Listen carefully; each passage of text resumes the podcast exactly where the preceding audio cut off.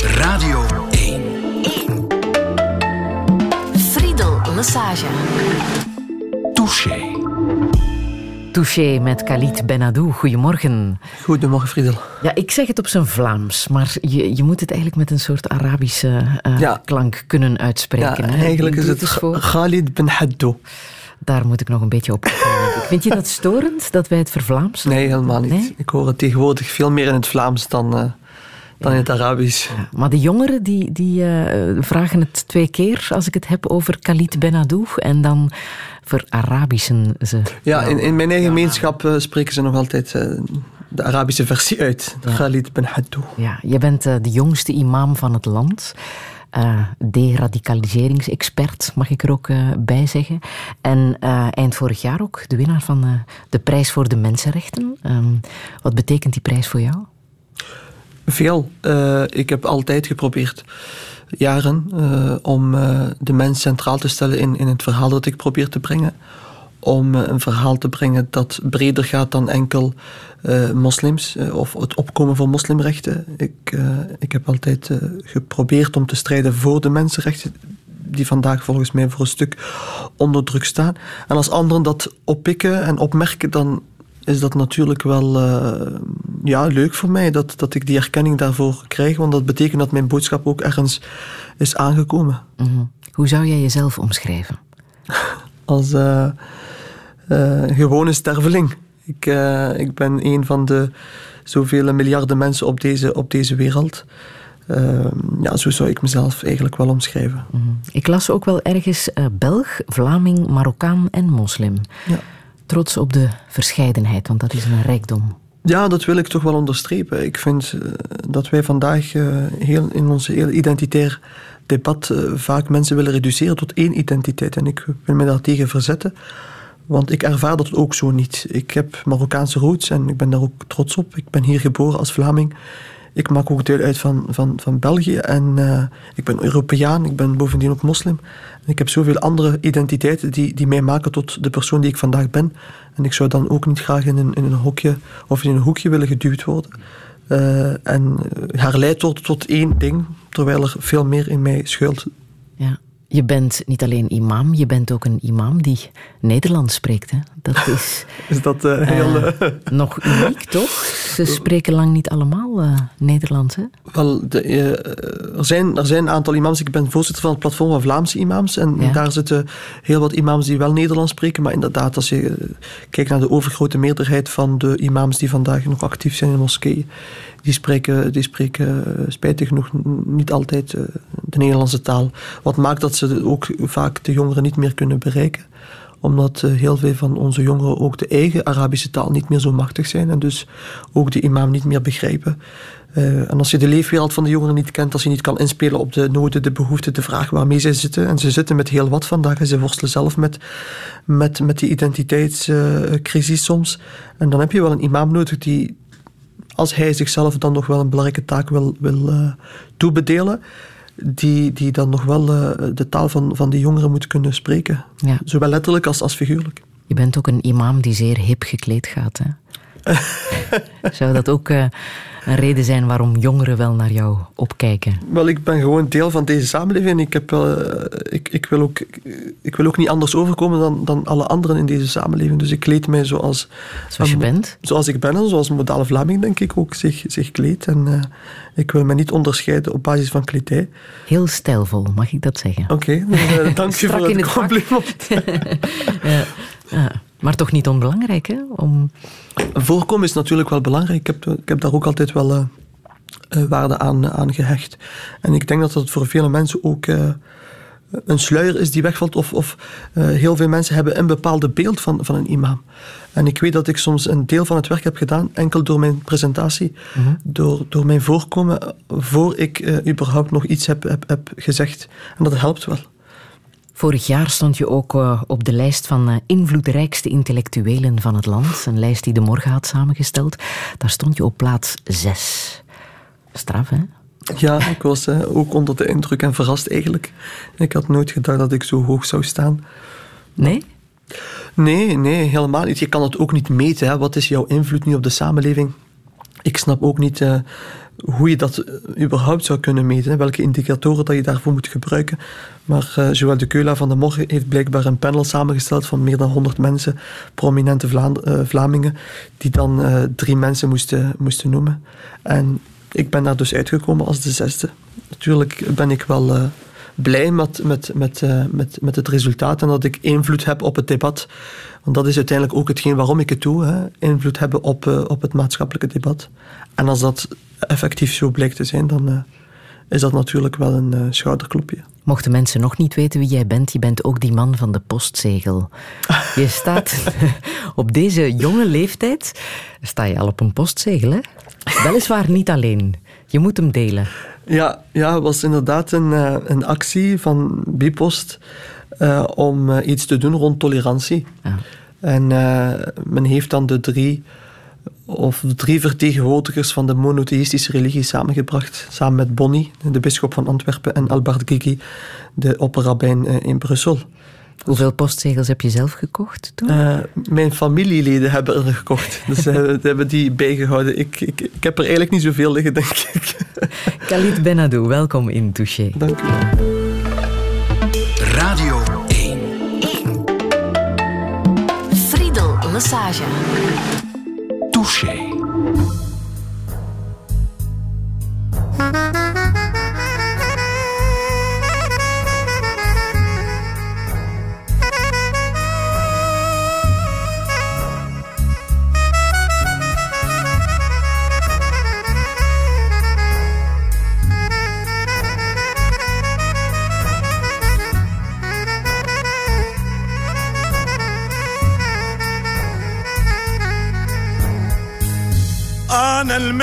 المليت ادور وطن.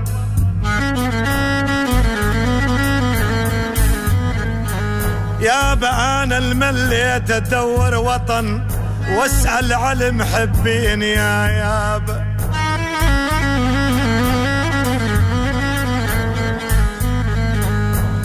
أنا المليت ادور وطن. واسأل على المحبين شايل بروحي جرح صار له ست سنين يا ويلي. أنا شايل بروحي جرح صار له ست سنين والله والله.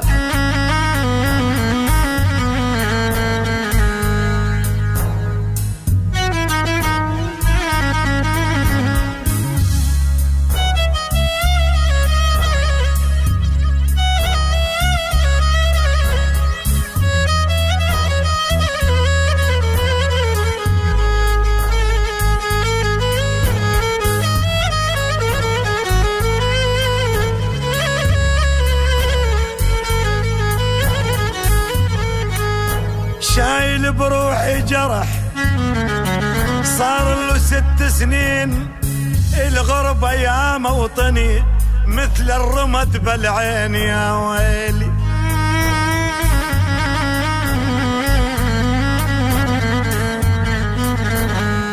أنا ماشي وأحس بالقلب أنا ماشي وأحس بالقلب بالقلب أنا ماشي وأحس بالقلب ميت مع الميتين. ميت مع الميتين. قالوا ودواك الصبر قالوا ودواك الصبر.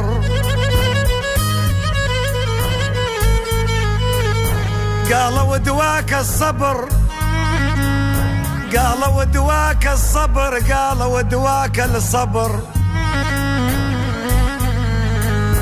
قالوا ودواك الصبر اصبر صبر العين يا يابا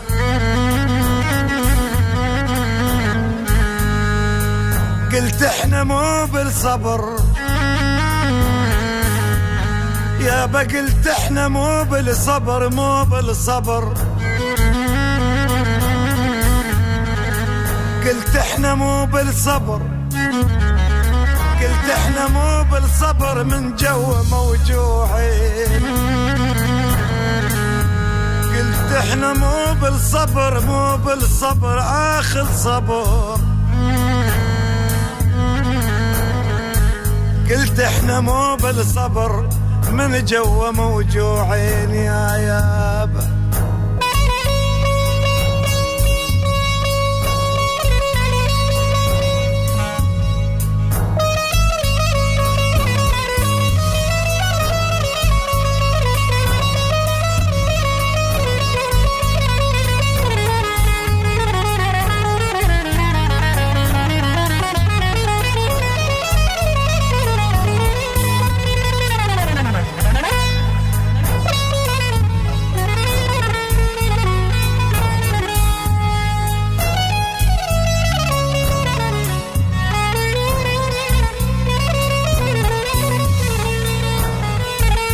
Omar Suleiman, um, de Syrische superster. Eind januari was hij nog uh, in een uitverkochte botaniek.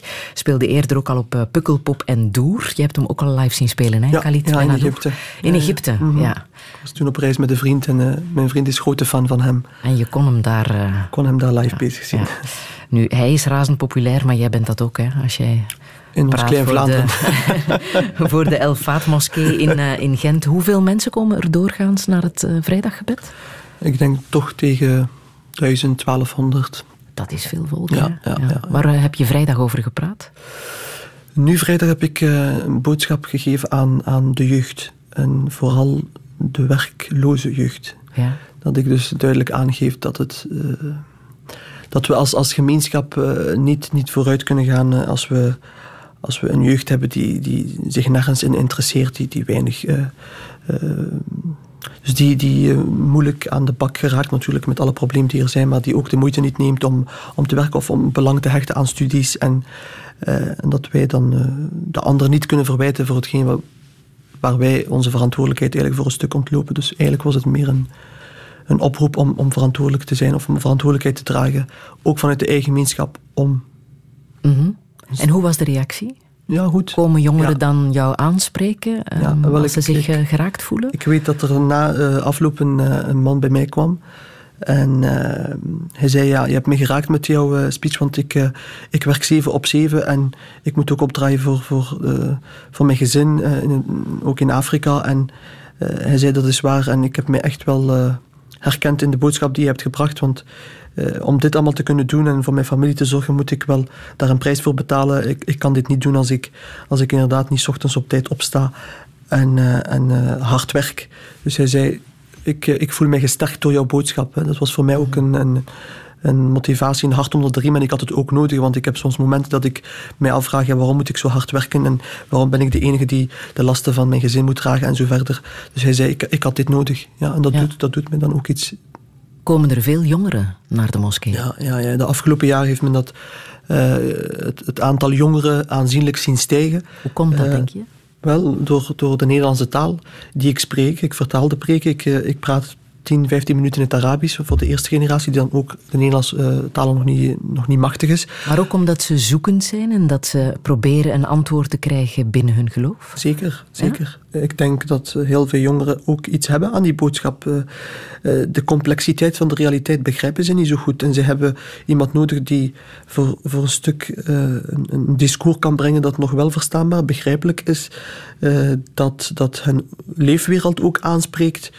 dat aansluit bij hun, bij hun leefwereld. En, en, vandaar dat ze dan nog wel kiezen om naar de moskee van mij te komen.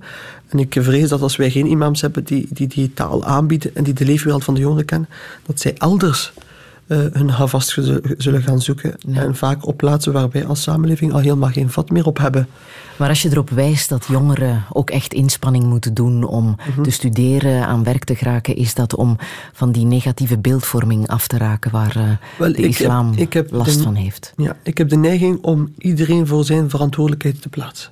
Als ik, als ik uh, de moslimgemeenschap toespreek, heeft het geen enkele zin dat ik hen wijs op de structurele problemen die er zijn in het beleid, uitsluiting en zo verder. Daar hebben zij geen boodschap aan. Dat moet ik bespreken met onderwijsverstrekkers, met mensen die beleid maken. Dat, dat moet ik daar aankaarten. Maar als ik met mijn eigen moslimgemeenschap spreek, dan moet ik hen aanspreken op de verantwoordelijkheid die zij dragen. Dus dat is de manier hoe ik, hoe ik uh, daarnaar kijk.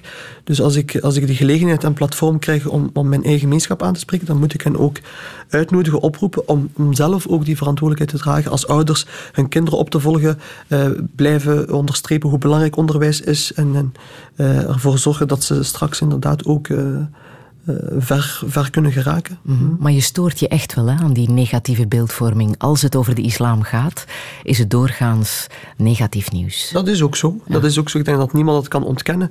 Je mag aan een modale Vlaming vragen uh, wat het eerste in hem opkomt als hij het woord islam hoort. Ja, dat zal vaak negatieve zaken zijn. Hè. Maar goed, de realiteit is wat hij, is. Hè. We hebben ook aanslagen gekend. Mensen die uh, beweren in naam van islam dergelijke gruweldaden te stellen. Dus dan kan ik wel best begrijpen dat, dat de realiteit bijna mensen ertoe dwingt om te zeggen, goed, wij... maar ik, ik, ik verwacht ook bijvoorbeeld van de media die die wel uh, bij machten is om, om voor een stuk mee te helpen die beeldvorming om te buigen naar iets positiefs, om ook de andere verhalen te laten horen of andere geluiden te laten horen. Dus. Ja.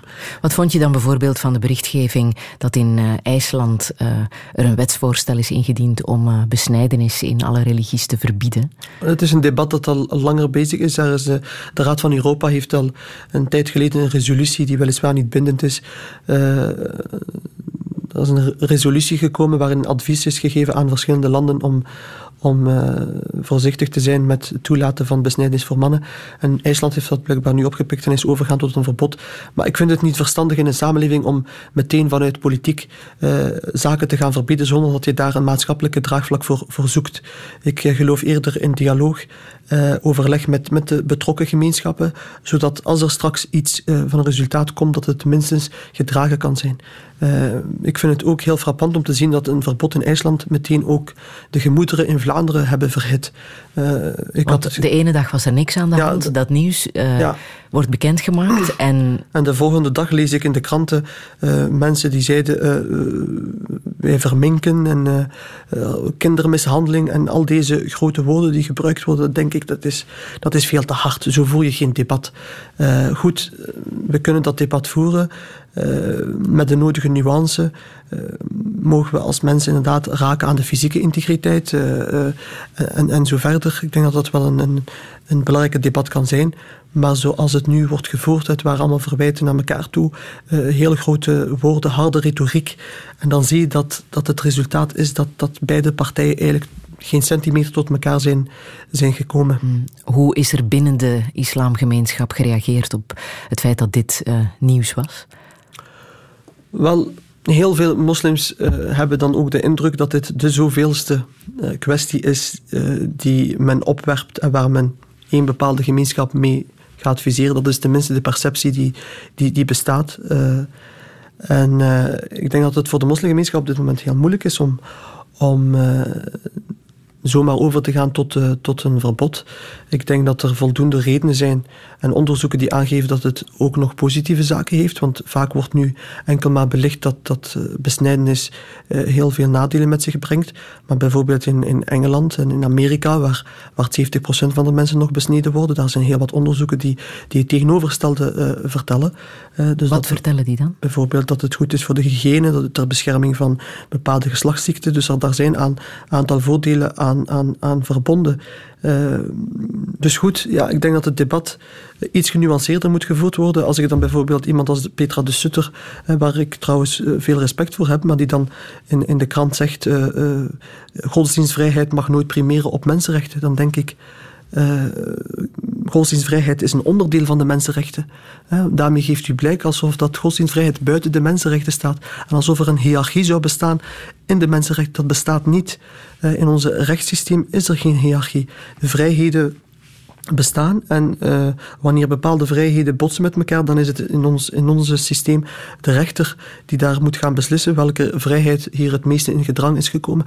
Maar om te stellen dat, dat, dat godsdienstvrijheid buiten de mensenrechten vallen, dat vind ik voor iemand uh, met de allure van, uh, van de Sutter toch, toch wel een, een beetje overtrokken stelling. Moet hier ook verteld worden waar dat vandaan komt, het idee van de besnijdenis? Want uh, jij bent een voorstander van uh, de rationele islam, dat uh, die verhalen ook worden geduid. Hè? Waar komt dat idee vandaan?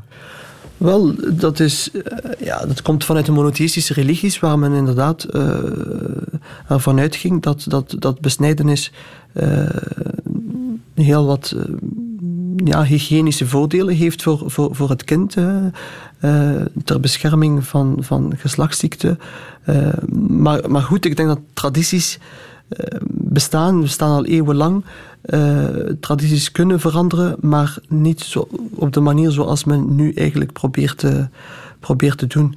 Dus ik, ik ben zeker iemand die zich inschrijft dat tradities niet eeuwig kunnen zijn tradities kunnen veranderen, maar vandaag op morgen meteen overgaan tot uh, verminking, uh, mishandeling, uh, dat vind ik een beetje niet gezond voor, voor het debat. Trouwens, mm. onze minister van Volksgezondheid schaart zich vandaag ook achter het feit dat, dat het niet aan de orde is om meteen overgaan tot, tot een verbod. Mm. كيف ذاك الحب أمسى خبرا وحديثا من أحاديث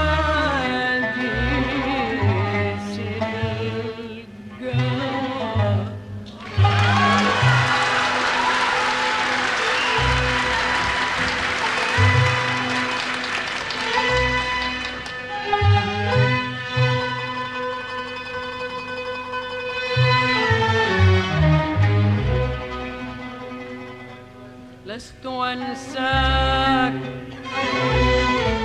وقد أغريتني بفم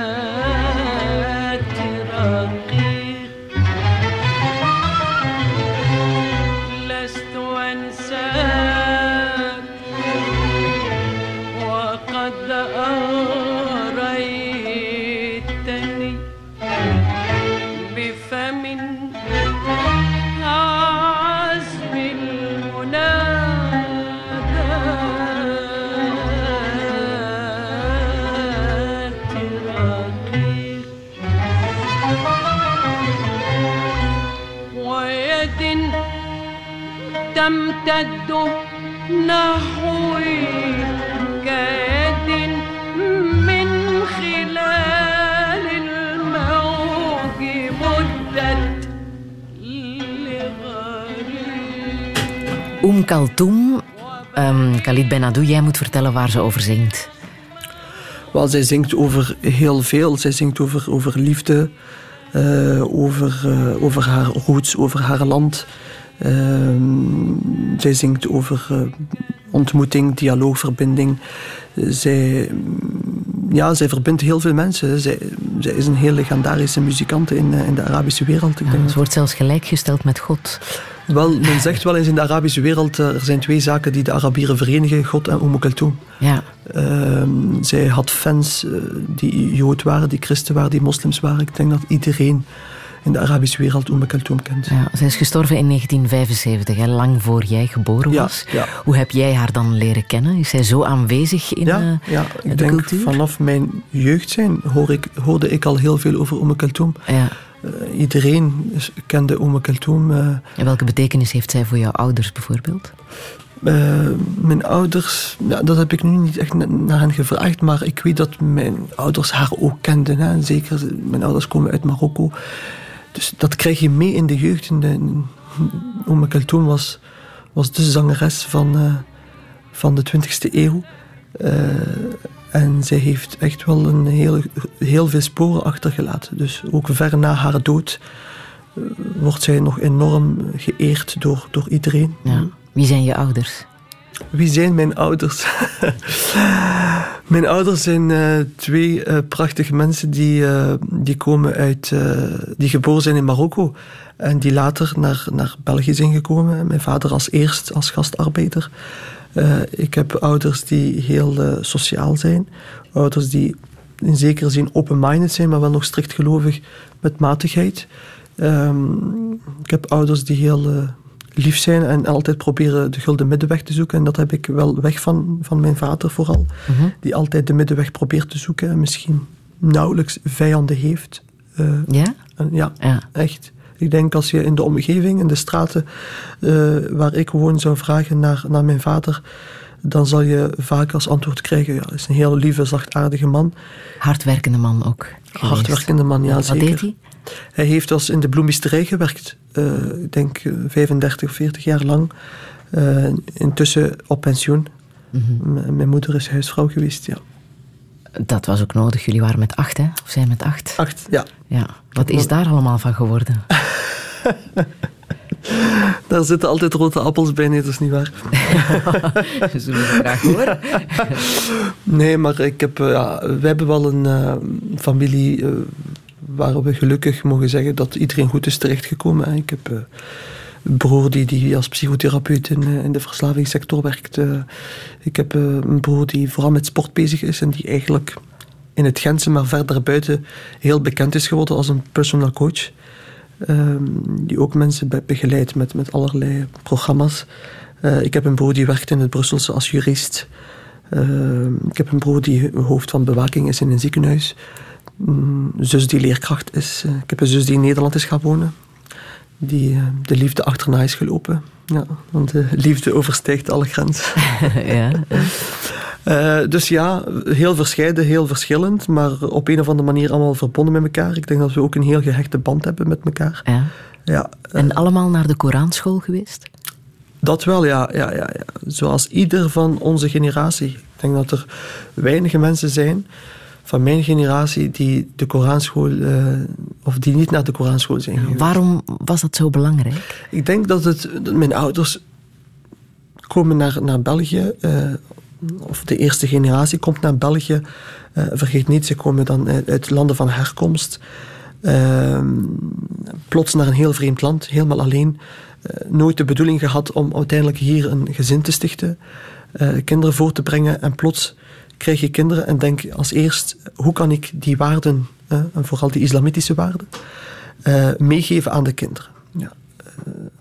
En, en, men heeft dan moskeeën gebouwd en Koranscholen, imams naar hier gehaald vanuit Marokko, vanuit Turkije. En die moesten dan inderdaad die kinderen een beetje van de islam meegeven. En, en zeker in onze islameducatie in het begin werd de focus dan ook gelegd op, op Koran. En het memoriseren van de Koran, dus uit het hoofd leren van de Koran. En was minder focus voor de inzichten en, en, die men daar zou kunnen verwerven. Dus alle kinderen die uh, voortkomen uit die eerste generatie mensen, die hebben inderdaad, uh, denk ik, uh, de Koranschool moeten, moeten bezoeken. En jij hebt dat heel erg ter harte genomen, hè? dat uit het hoofd leren. Wel, ik was daar goed in. Hè. Ik denk dat ik heel veel vrienden heb die met mij toen zaten in die, in die klasse. En niet iedereen heeft het vermogen om, om zoveel teksten helemaal klakkeloos uit het hoofd te leren. Ik wist ook niet waarom ik het deed. Ik deed het gewoon, want dat was toen wat ons werd opgedragen. Je ging naar de Koranscholen, je moest op grond zitten met een houten plank tussen je benen en je schreef met een houten pen stukken uit de Koran die je dan uh, zelf moest opschrijven, werd gedicteerd door de, door de imam. Uh, dus je moest wel een beetje kunnen Arabisch schrijven. Uh, en die leerde, die leerde je dan uit het hoofd. En als je dat uit het hoofd kende, dan draag je dat voor aan de leerkracht. Als hij toestemming geeft, dan kan je dat wegvegen. Dan schrijf je weer met een houten pen andere stukken. En zo heb ik in minder dan drie jaar, ik denk twee jaar en een half, heel de Koran op die houten plank geschreven. En daar bestaan zelfs internationale wedstrijden voor, hè, onder jongeren. Daar heb jij aan deelgenomen. Daar heb ik aan deelgenomen, ja. Een paar ik, keer zelfs. Een paar keer. Toen ik de Koran heb beëindigd, toen, uh, toen kreeg ik de kans om deel te nemen hier in, in België. Uh, plaatselijke wedstrijden. Uh, om ter best de Koran met de kunstrecitatie voor te brengen. Dus uit het hoofd, maar ook met inachtneming van bepaalde regels. Want de Koran lees je niet zomaar, dat is zoals je dat zingt, maar daar zijn bepaalde regels voor. Wie dat als beste kon, die kon dan uh, voorgedragen worden om deel te nemen aan internationale wedstrijden. En ik was goed uh, hier in België, dus ik kwam een aantal keer als, als eerste naar, naar, naar buiten. En werd ik dan voorgedragen om internationaal deel te nemen, waaronder in Dubai. Uh, in Egypte, op Europese vlak in, in Kroatië. Dus dat waren wel interessante wedstrijden. Hoe ver ben je geraakt? Wat, wat was je beste prestatie? Uh, wel, in, in Dubai was ik uh, derde op wereldranglijst. in Egypte. Derde op wereldranglijst? Ja, daar hebben 95 landen aan deelgenomen. en toen was je hoe oud? Ik was... Een jaar of 12, 13? Ja, iets ouder Dubai. Uh, Dubai was ik al 16, denk ik, of 17. En hoeveel geld heb je daarmee verdiend? Want het gaat over geld, hè? Daar win je geld over, mee. In, in Dubai kreeg je inderdaad geld, geldprijzen. Uh, ja, ik denk dat het nu niet zo belangrijk is om te zeggen hoeveel precies, maar daar, daar kreeg je toch wel een hele grote som geld. Hè. Om maar te zeggen, de laatste plaats die kreeg denk ik 6.000, 7.000 euro. En de eerste? Uh, en de eerste, ja, dat was boven de 100 uh, duizenden euro's. Dus uh, dat waren inderdaad de wedstrijden. 200.000 euro. Wel. Jij was derde. Oké, okay, dan maken we een kleine berekening hoeveel je daar hebt verdiend. Maar dat is toch gigantisch? Dat, dat, dat is gigantisch. Ja, Dubai is ook gekend hè, omwille van ja. de rijkdommen die zij hebben. Zij uh, beschouwen die wedstrijden ook als heel, heel belangrijke wedstrijden. Want ik weet dat toen ik daar was, uh, wij droegen dan een, een soort van uh, badge waarop stond dat wij deelnemers zijn aan, aan de wedstrijd. En, en overal op de straten word je herkend als deelnemer. Ja. En ik weet dat ik dan bijvoorbeeld in de restaurants gratis kon eten. Dat ik winkels binnenliep en gratis echt? kledij mocht meenemen. Ja. Omdat ze zeiden, ah, dat is een deelnemer. En Ja. Ja, ja. Je werd er echt uh, op handen en voeten, uh, voeten gedragen. Hoe klinkt dat, het zingen van de Koran? Kan je, kan je dat laten horen? Moet ik nu een stuk uit de Koran voordragen? Moet niks, mag. ik wil het leren kennen. Oké, okay, ja, ik heb uh, nu mijn stem niet helemaal mee. Uh, dat is niet erg. uh, الحمد لله رب العالمين الرحمن الرحيم مالك يوم الدين إياك نعبد وإياك نستعين إهدنا الصراط المستقيم صراط الذين أنعمت عليهم غير المغضوب عليهم ولا الضالين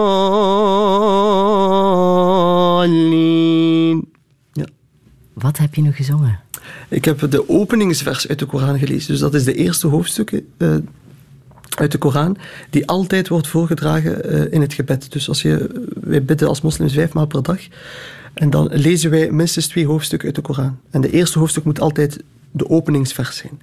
En daar staat eigenlijk, uh, of de eerste vers is Alhamdulillah Rabbil Alamin, alle dank, alle lof aan de Heer der werelden. Uh, Ar-Rahman Ar-Rahim is de barmhartige, de genadevolle. Malik Yawmiddin is de koning van de dag des oordeels. Iyaka na'budu wa iyaka nasta'in betekent uh, u aanbidden wij en alleen u vragen wij om hulp.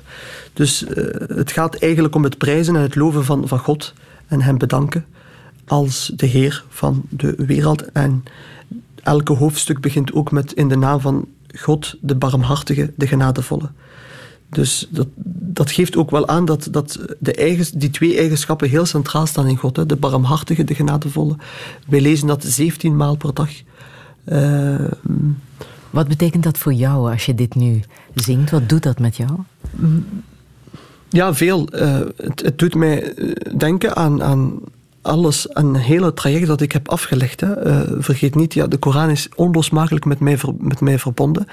Ik heb van, vanaf mijn tien jaar heb ik die band gehad met de Koran. Uh, dat doet mij ook denken aan de momenten die ik uh, in de moskee heb doorgebracht.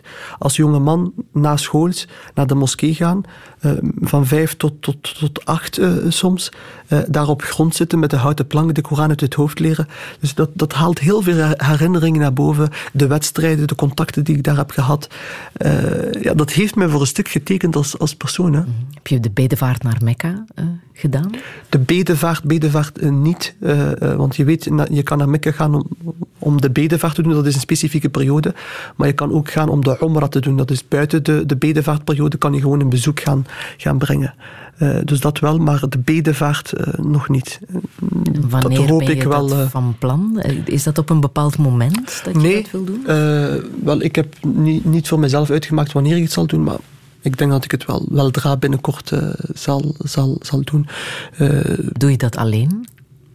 Je kan dat in groep doen. Meestal uh, moet, ga je samen met een organisatie. Er zijn heel wat organisaties in België. Ja, ja, met wie je samen naartoe, naartoe kan gaan. En het zou leuk zijn mocht ik het samen met vrienden kan doen. Want ik denk dat er heel wat vrienden zijn in mijn omgeving die vragen om dat samen met mij te doen. Dus ja. Maar is het vreemd dat een imam dat nog niet heeft gedaan?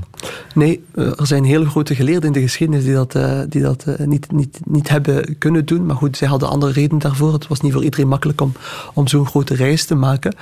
Uh, maar dat is niet vreemd. Dat is niet vreemd. Ja. Ik mag daar niet binnen, hè? In Mekka en Medina, ja, dat is op dit moment zo dat, uh, dat er uh, gezegd, of gezegd wordt dat die plaatsen enkel maar voorbehouden zijn voor, voor moslims ja, voor mij hoeft dat niet. Ik denk dat iedereen welkom is. Zoals in een moskee iedereen ook welkom is, moslim en niet-moslim. Maar dat is nu het beleid dat nog altijd ook bepaald wordt door het land zelf. In dit geval Saudi-Arabië. Zij bepalen het beleid nog van, van die twee heilige steden. Eigenlijk zou je alles wat te maken heeft met Mekka en Medina, wat voor moslims toch de meest heilige plaatsen zijn, zou je niet laten bepalen door één land. Eigenlijk zouden verschillende islamitische landen zich daarover mogen kunnen uitspreken. -hmm.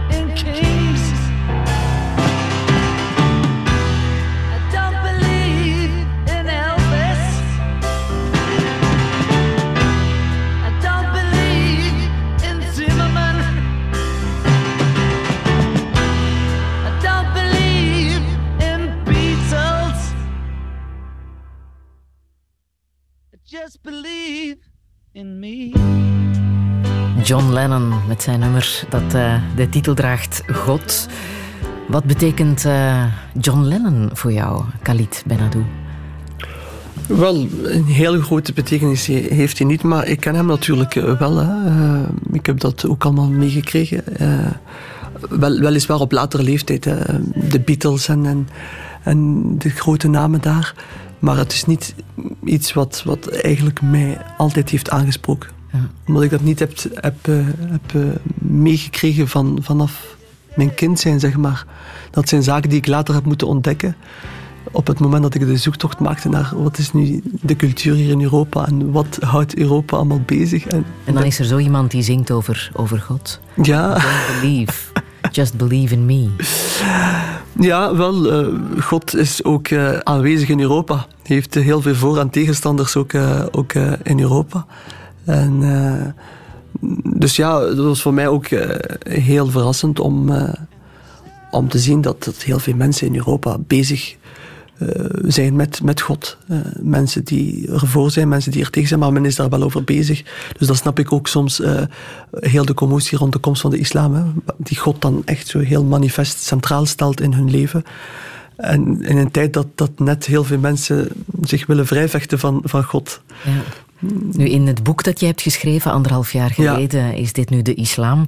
Ehm, schrijf je een, een eh, bijzondere passage over eh, John Lennon. Hè? Hij kreeg als kind de vraag, wat wil jij later worden? Ja. En zijn antwoord daarop was? Ja, hij antwoordde aan zijn leraar en directeur: eh, Ik wil gelukkig zijn. En de, de leraar keek dan naar de directeur en zei: Hij heeft wellicht de vraag niet goed begrepen. Omdat zij ervan uitgingen dat hij zou antwoorden op een onbezonnen manier: Ik wil een dokter of een piloot worden. Maar het kind, dus John Lennon, keek dan naar de leraar en zei: Ik heb de vraag heel goed begrepen, maar u hebt het leven niet begrepen. Fantastisch antwoord. Ja, eigenlijk wel, eigenlijk wel. En dit geeft aan dat ook in het onderwijs, dat wij er niet altijd mogen van uitgaan dat het enige wat we kinderen kunnen bijbrengen is gewoon vaardigheden en hen inzetbaar moeten maken op de arbeidsmarkt. Kinderen zijn veel meer dan dat. Eh, Wij moeten ook eh, kinderen afleveren die zich gelukkig zullen voelen straks in die samenleving. Het welbevinden versterken, het welzijn. Daar zou ook vandaag trouwens veel meer de focus moeten komen op eh, liggen. Ja. Wat wou jij worden, later als je groot zou zijn? Toen ik, toen ik Als je kind was, ja. Als ik kind was, ja, voetballer. ja. Ja, ja ik, was een, eh, ik was een voetballer. Ik, ik, Met veel talent. ik had veel talent, ja. Maar ik was gewoon verliefd op voetbal. Eh, ik stond op in, in de weekenden om zeven uur s ochtends met een bal. En ik ging naar het plein helemaal alleen. En ik, ik schopte tegen de muren. eh. en ja, ik, ik had altijd een bal bij mij. Ik had heel veel liefde voor voetbal. Ik was er ook goed in en ik speelde in, in verschillende clubs mee. En ik had wel, denk ik, kansen om, om daar ook in te groeien. En om internationaal te gaan. Wel, ik heb ooit, ja, er zijn er scoutings natuurlijk geweest als er zo wedstrijden zijn. Ik weet dat ik meedeed bij eh, een bekerwedstrijd. En eh, toen was er een scouting vanuit Engeland die dan achteraf vroeg of ik eh, daar niet zou naartoe gaan. En dat was no passera voor, eh, voor mijn eh, vader. Waarom? Op dat moment ja, werd hij ook gesteund trouwens door mijn leraar van, van Koran en Islam. En zij vonden dat ik dan eerst nog die Koran moest afwerken en andere studies moest doen. Dat was in een tijdsgeest waarin, denk ik, voetbal voor hen nog niet heel veel eh, zei. En vandaag, met de kennis en de wetenschap die we hebben van, van de voetbalwereld en, en alles wat daar in omloop gaat, ja, denk ik dat mijn vader misschien anders zou gedacht hebben. Maar in die tijd was dat dus niet eh, primordiaal en zeker niet iets dat eh, voorop moet gesteld worden op studies en, en op, op die Koran waar ik dan in uitblonk. En, en de imam gaf dan ook aan dat dat no passera zi- zou zijn. Ja, dus heb je islamwetenschappen Ja. gestudeerd. En nog gecombineerd met fiscaliteit. Hè? Klopt, een vreemde combinatie of, of niet? Ja, eigenlijk wel. Maar ik was gewoon goed in het middelbaar onderwijs. Was ik heel goed in, in alles wat met boekhouding te maken heeft en met cijfers. Dus ik heb, mijn advies, ik heb het advies gevolgd van heel wat leerkrachten om daarin verder te gaan. Ik ben dan ook gestart met, met rechten. En dat moet ik nog eh, afwerken. Dus ik ben wel altijd geïnteresseerd geweest in, in verschillende domeinen. Ik merk dat nu ook vandaag. Ik lees altijd heel veel boeken over politiek, over recht, over filosofie. Of, eh, zeker in een wereld waarin alles geconnect- geconnecteerd is met elkaar, vind ik het altijd zo moeilijk om, om mij te specialiseren in één ding. En wij, wij zitten in een samenleving die alsmaar meer of waar we alsmaar meer afhankelijker van elkaar worden, omdat we maar één specialiteit hebben. Wij zijn allemaal vakidioten en we kunnen bijna ons, ons levens niet meer organiseren zonder afhankelijk te zijn van de specialiteiten van anderen. Dus de tijd dat we nog heel veel generalisten hebben, die uh, homo universalis zijn, die uh, in, in alle wetenschappen thuis zijn, die, die, die heb je vandaag ook niet meer. Ik heb trouwens ook recent nog cijfers gezien uh, van de KU Leuven, waarin echt het, het cijfer alsmaar lager wordt van mensen die nog, die nog echt intellectuelen zijn, in de zin dat, dat zij van alle wetenschappen thuis zijn. En dat wij veel meer mensen hebben die gespecialiseerd zijn in één, één bepaalde wetenschap en bijna over alle andere aspecten van het leven weinig weten. Dus wij worden alsmaar meer afhankelijker van, van, van elkaar. En ik hou ervan om toch wel thuis te zijn in veel. En met welke motivatie heb je dan gekozen om islamwetenschappen te studeren? Een van de eerste studenten was je waarschijnlijk hè, in Gent. Wel ja, uh, nee, daar was een generatie aan vooraf gegaan die, die dat ook deed, uh, maar heel weinig. Laten we zeggen dat je ze echt op één hand kan tellen hoeveel mensen in het Gentse, maar ook in Vlaanderen, destijds echt verder gingen in die richting en daar ook effectief uh, iets mee gedaan hebben. Ja, je hebt heel wat mensen die trouwens islam hebben gestudeerd. Ik heb heel veel mensen die in het buitenland hebben gestudeerd hebben. In Syrië, in, in, in Egypte, in Saudi-Arabië. Maar die achteraf uh, weinig mee gedaan hebben. Dus uh, misschien ben ik wel een van de weinigen die daar toch verder in is gegaan. Maar het was in de schoot geworpen, want ik, ja, ik, ik, ik kan de Koran uit het hoofd, dus het was bijna of het kon bijna niet anders dan dat ik die richting moest uitgaan. Hè. Ik, uh, ik moest en je was toen al imam, want je bent op je achttiende als imam ja, begonnen. Hè? Ja. Kan je dat zo worden of moet je daar ook een soort opleiding voor volgen? Je moet natuurlijk wel enige kennis hebben van, van de islam, anders zou je nooit die, die plaats krijgen. Maar ik heb het geluk gehad dat men mij die plaats heeft gegeven zonder dat ik daar eigenlijk nog.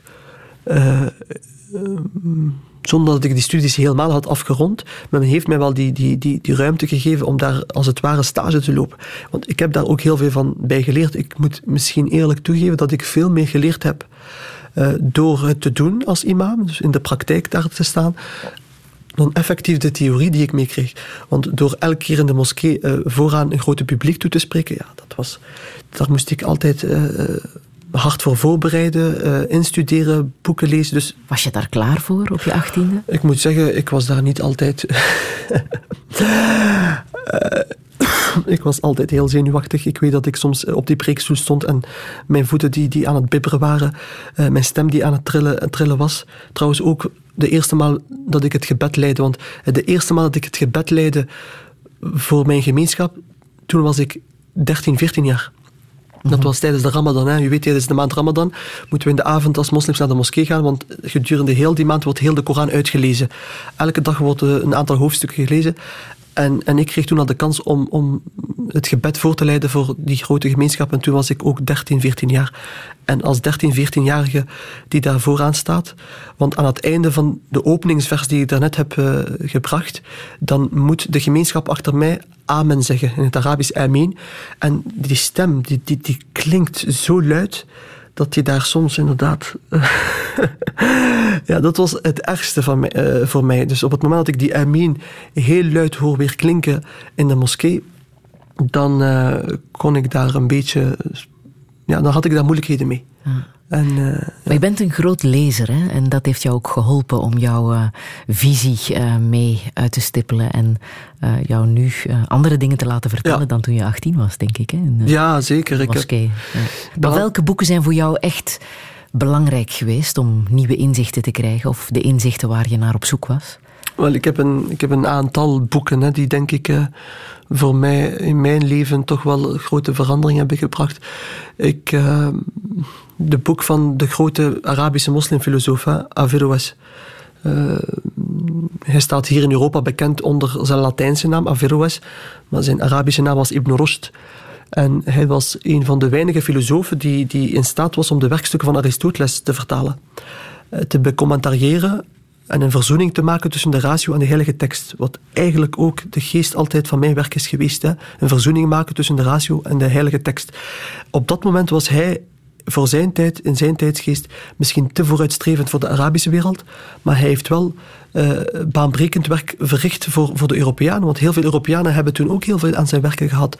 Dus hij was voor mij een heel grote inspirator aan alle mensen die eigenlijk op zijn weg uh, en op zijn werk uh, verder gewerkt hebben. Uh, waaronder een aantal hedendaagse bekende islamitische denkers vandaag. Hè. De Mohammed Abid al-Jabri heeft een boek geschreven, De kritiek op het Arabisch denken. Waarin hij een analyse maakt van hoe het Arabische denken sinds de komst van de islam tot vandaag gevormd is. En hoe je eigenlijk een, een rationele wijze kan bedenken om, om, om te gaan naar een soort van Arabische renaissance, wat, wat de Arabische wereld volgens hem nodig heeft.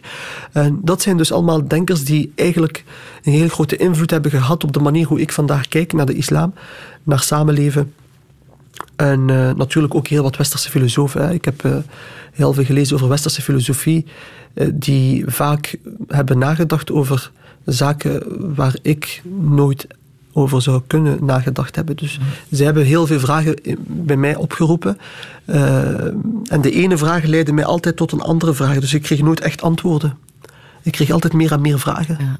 Maar toch vind je het frustrerend dat de geschiedenis in het algemeen vanuit het Westen altijd is neergeschreven. Hè? Dat, uh, um, dat het verhaal van, van alles wat wij meemaken nooit is verteld geweest uh, vanuit vandaar dat ook een de Arabische de, wereld. Ja, vandaar dat ook een van de boeken die ik uh, als uh, bijzonder beschouw, en ik denk veel met mij, is het boek Een geschiedenis, een geschiedenis van de wereld door moslimse ogen.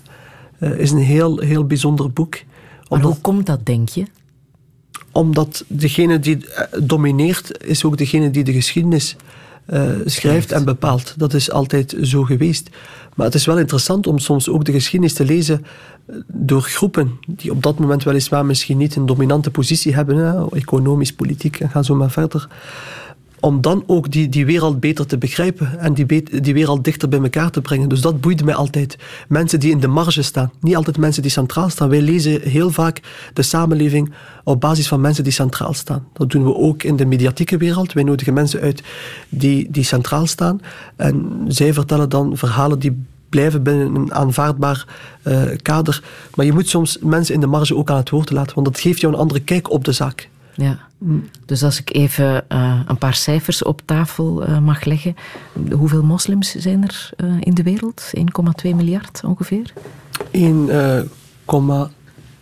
miljard. Hm. Daarvan zijn er 13 Nobelprijswinnaars. Ja. Als je kijkt naar de Joden, die zijn met 14 miljoen. Mm -hmm. 175 Nobelprijzen. Mm -hmm. Ja.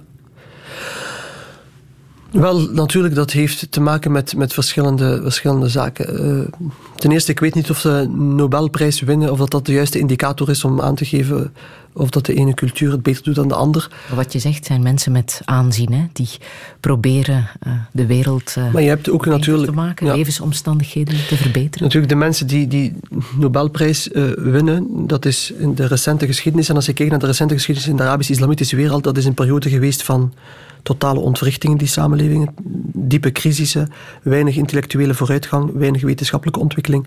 En dus na de kolonisatieperiode uh, na de val van het kalifaat zit men eigenlijk vandaag nog steeds vast in de vraagstukken daar. Hoe, naar welke samenlevingsmodel moeten we gaan? En waarop moeten we die samenleving gaan, gaan, gaan maken, gaan definiëren? Dus men zit echt wel in een diepe crisis. En dan kan je uit, uit zo'n samenleving die elke vorm van, van basis mist waarop een samenleving zou moeten gestoeld zijn, onderwijssysteem dat niet op, uh, op punt staat, uh, vele mensen die in de armoede leven, weinig geciviliseerde samenleving, dan kan je niet verwachten dat daar natuurlijk allemaal hoogopgeleide intelligentie uit, uit voortkomt. Dus de voedingsbodem uh, helpt niet om een, een klimaat te creëren waar, waar wetenschap kan, kan floreren.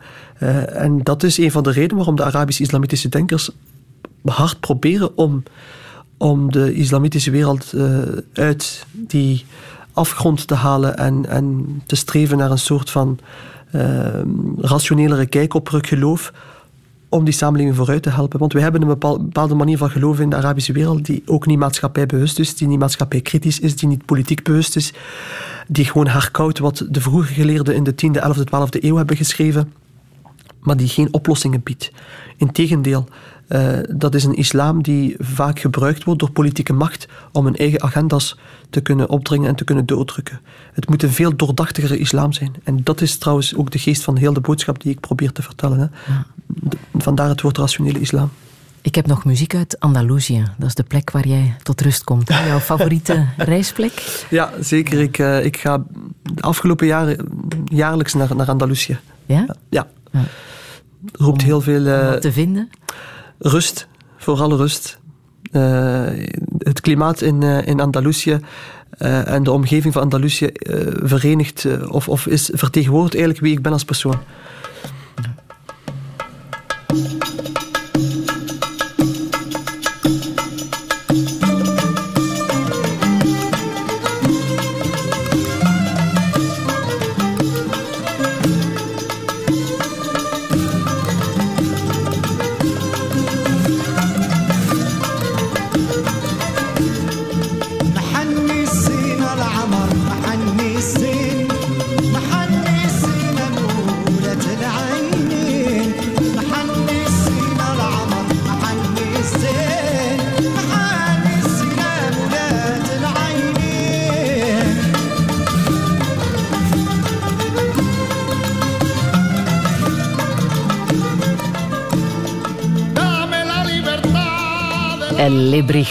Was dit nog.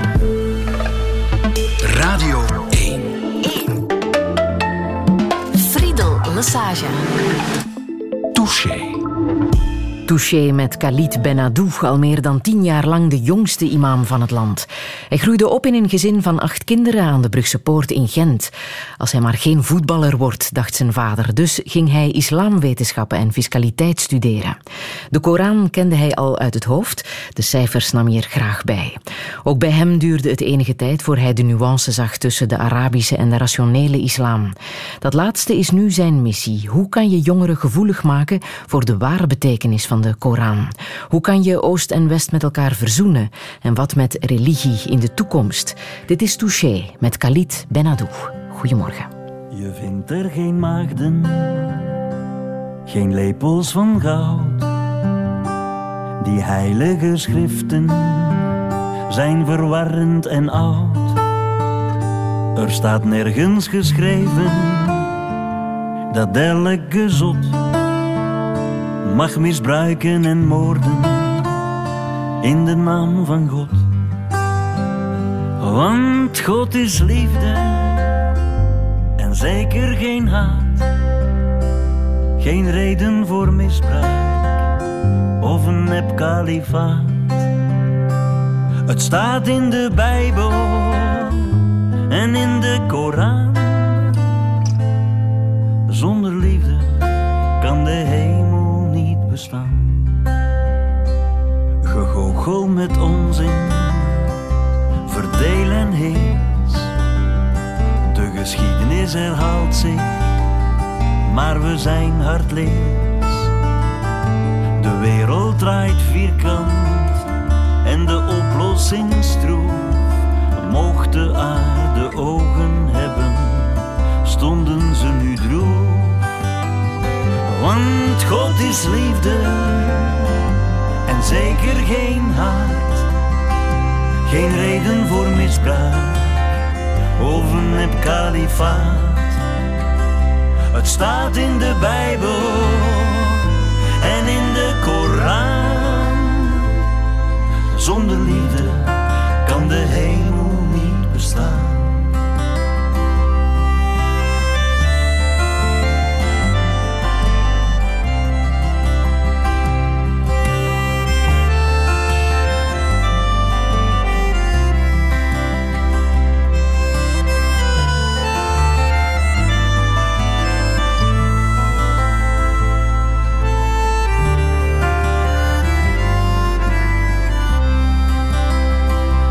heeft een mens aan al die zelfverklaarde vertegenwoordigers van Gods zaak? Dat rare grondpersoneel op aarde kletst maar wat raak, kletst maar wat raak, want God is liefde zeker geen haat. Geen reden voor misbruik of een nep kalifaat. Het staat in de Bijbel en in de Koran. Zonder liefde kan de hemel niet bestaan. Zonder liefde kan de hemel bestaan. Bart Peters zong dit nummer voor het eerst de avond van 22 maart in uh, de televisiestudio bij Lieven van Gils. Khalid Benadou, uh, je hebt dit gezien op televisie. Ja. Het kwam hard binnen, hè? Het kwam op dat moment heel hard binnen, ja. Want wij hadden al uh, aanslagen gehad in, in Parijs. begonnen met Charlie Hebdo. En dan 13 november Bataclan. En dan op 22 maart nog eens in, in Zaventem. En ik was toen al heel druk bezig met het werken rond preventie van radicalisering op scholen en daarbuiten. En op dat moment toen de aanslagen gebeurden, toen was dat een harde klap, ook voor mijzelf als persoon. Waarom? Omdat ik toen het idee kreeg dat het werk dat ik en vele anderen proberen te doen, dat het geen nut meer heeft. Uh, ik raakte een beetje ontmoedigd. Uh, dus, en, en, en toen hoorde ik dat lied eh, in de avond bij Van Giels en Gasten. En dat kwam inderdaad hard binnen. Dat was eh, toch wel emotioneel eh, zwaar, maar ik heb daar ook veel uit gehaald. eh, om dan voor een stuk verder te gaan.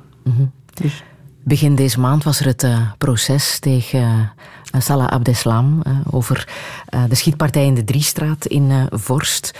Ehm, het is niemand ontgaan dat hij de samenwerking met de rechtbank weigerde. Op donderdag ook niet meer is komen opdagen. Ehm, ik geloof in Allah en dat is alles, waren zijn woorden.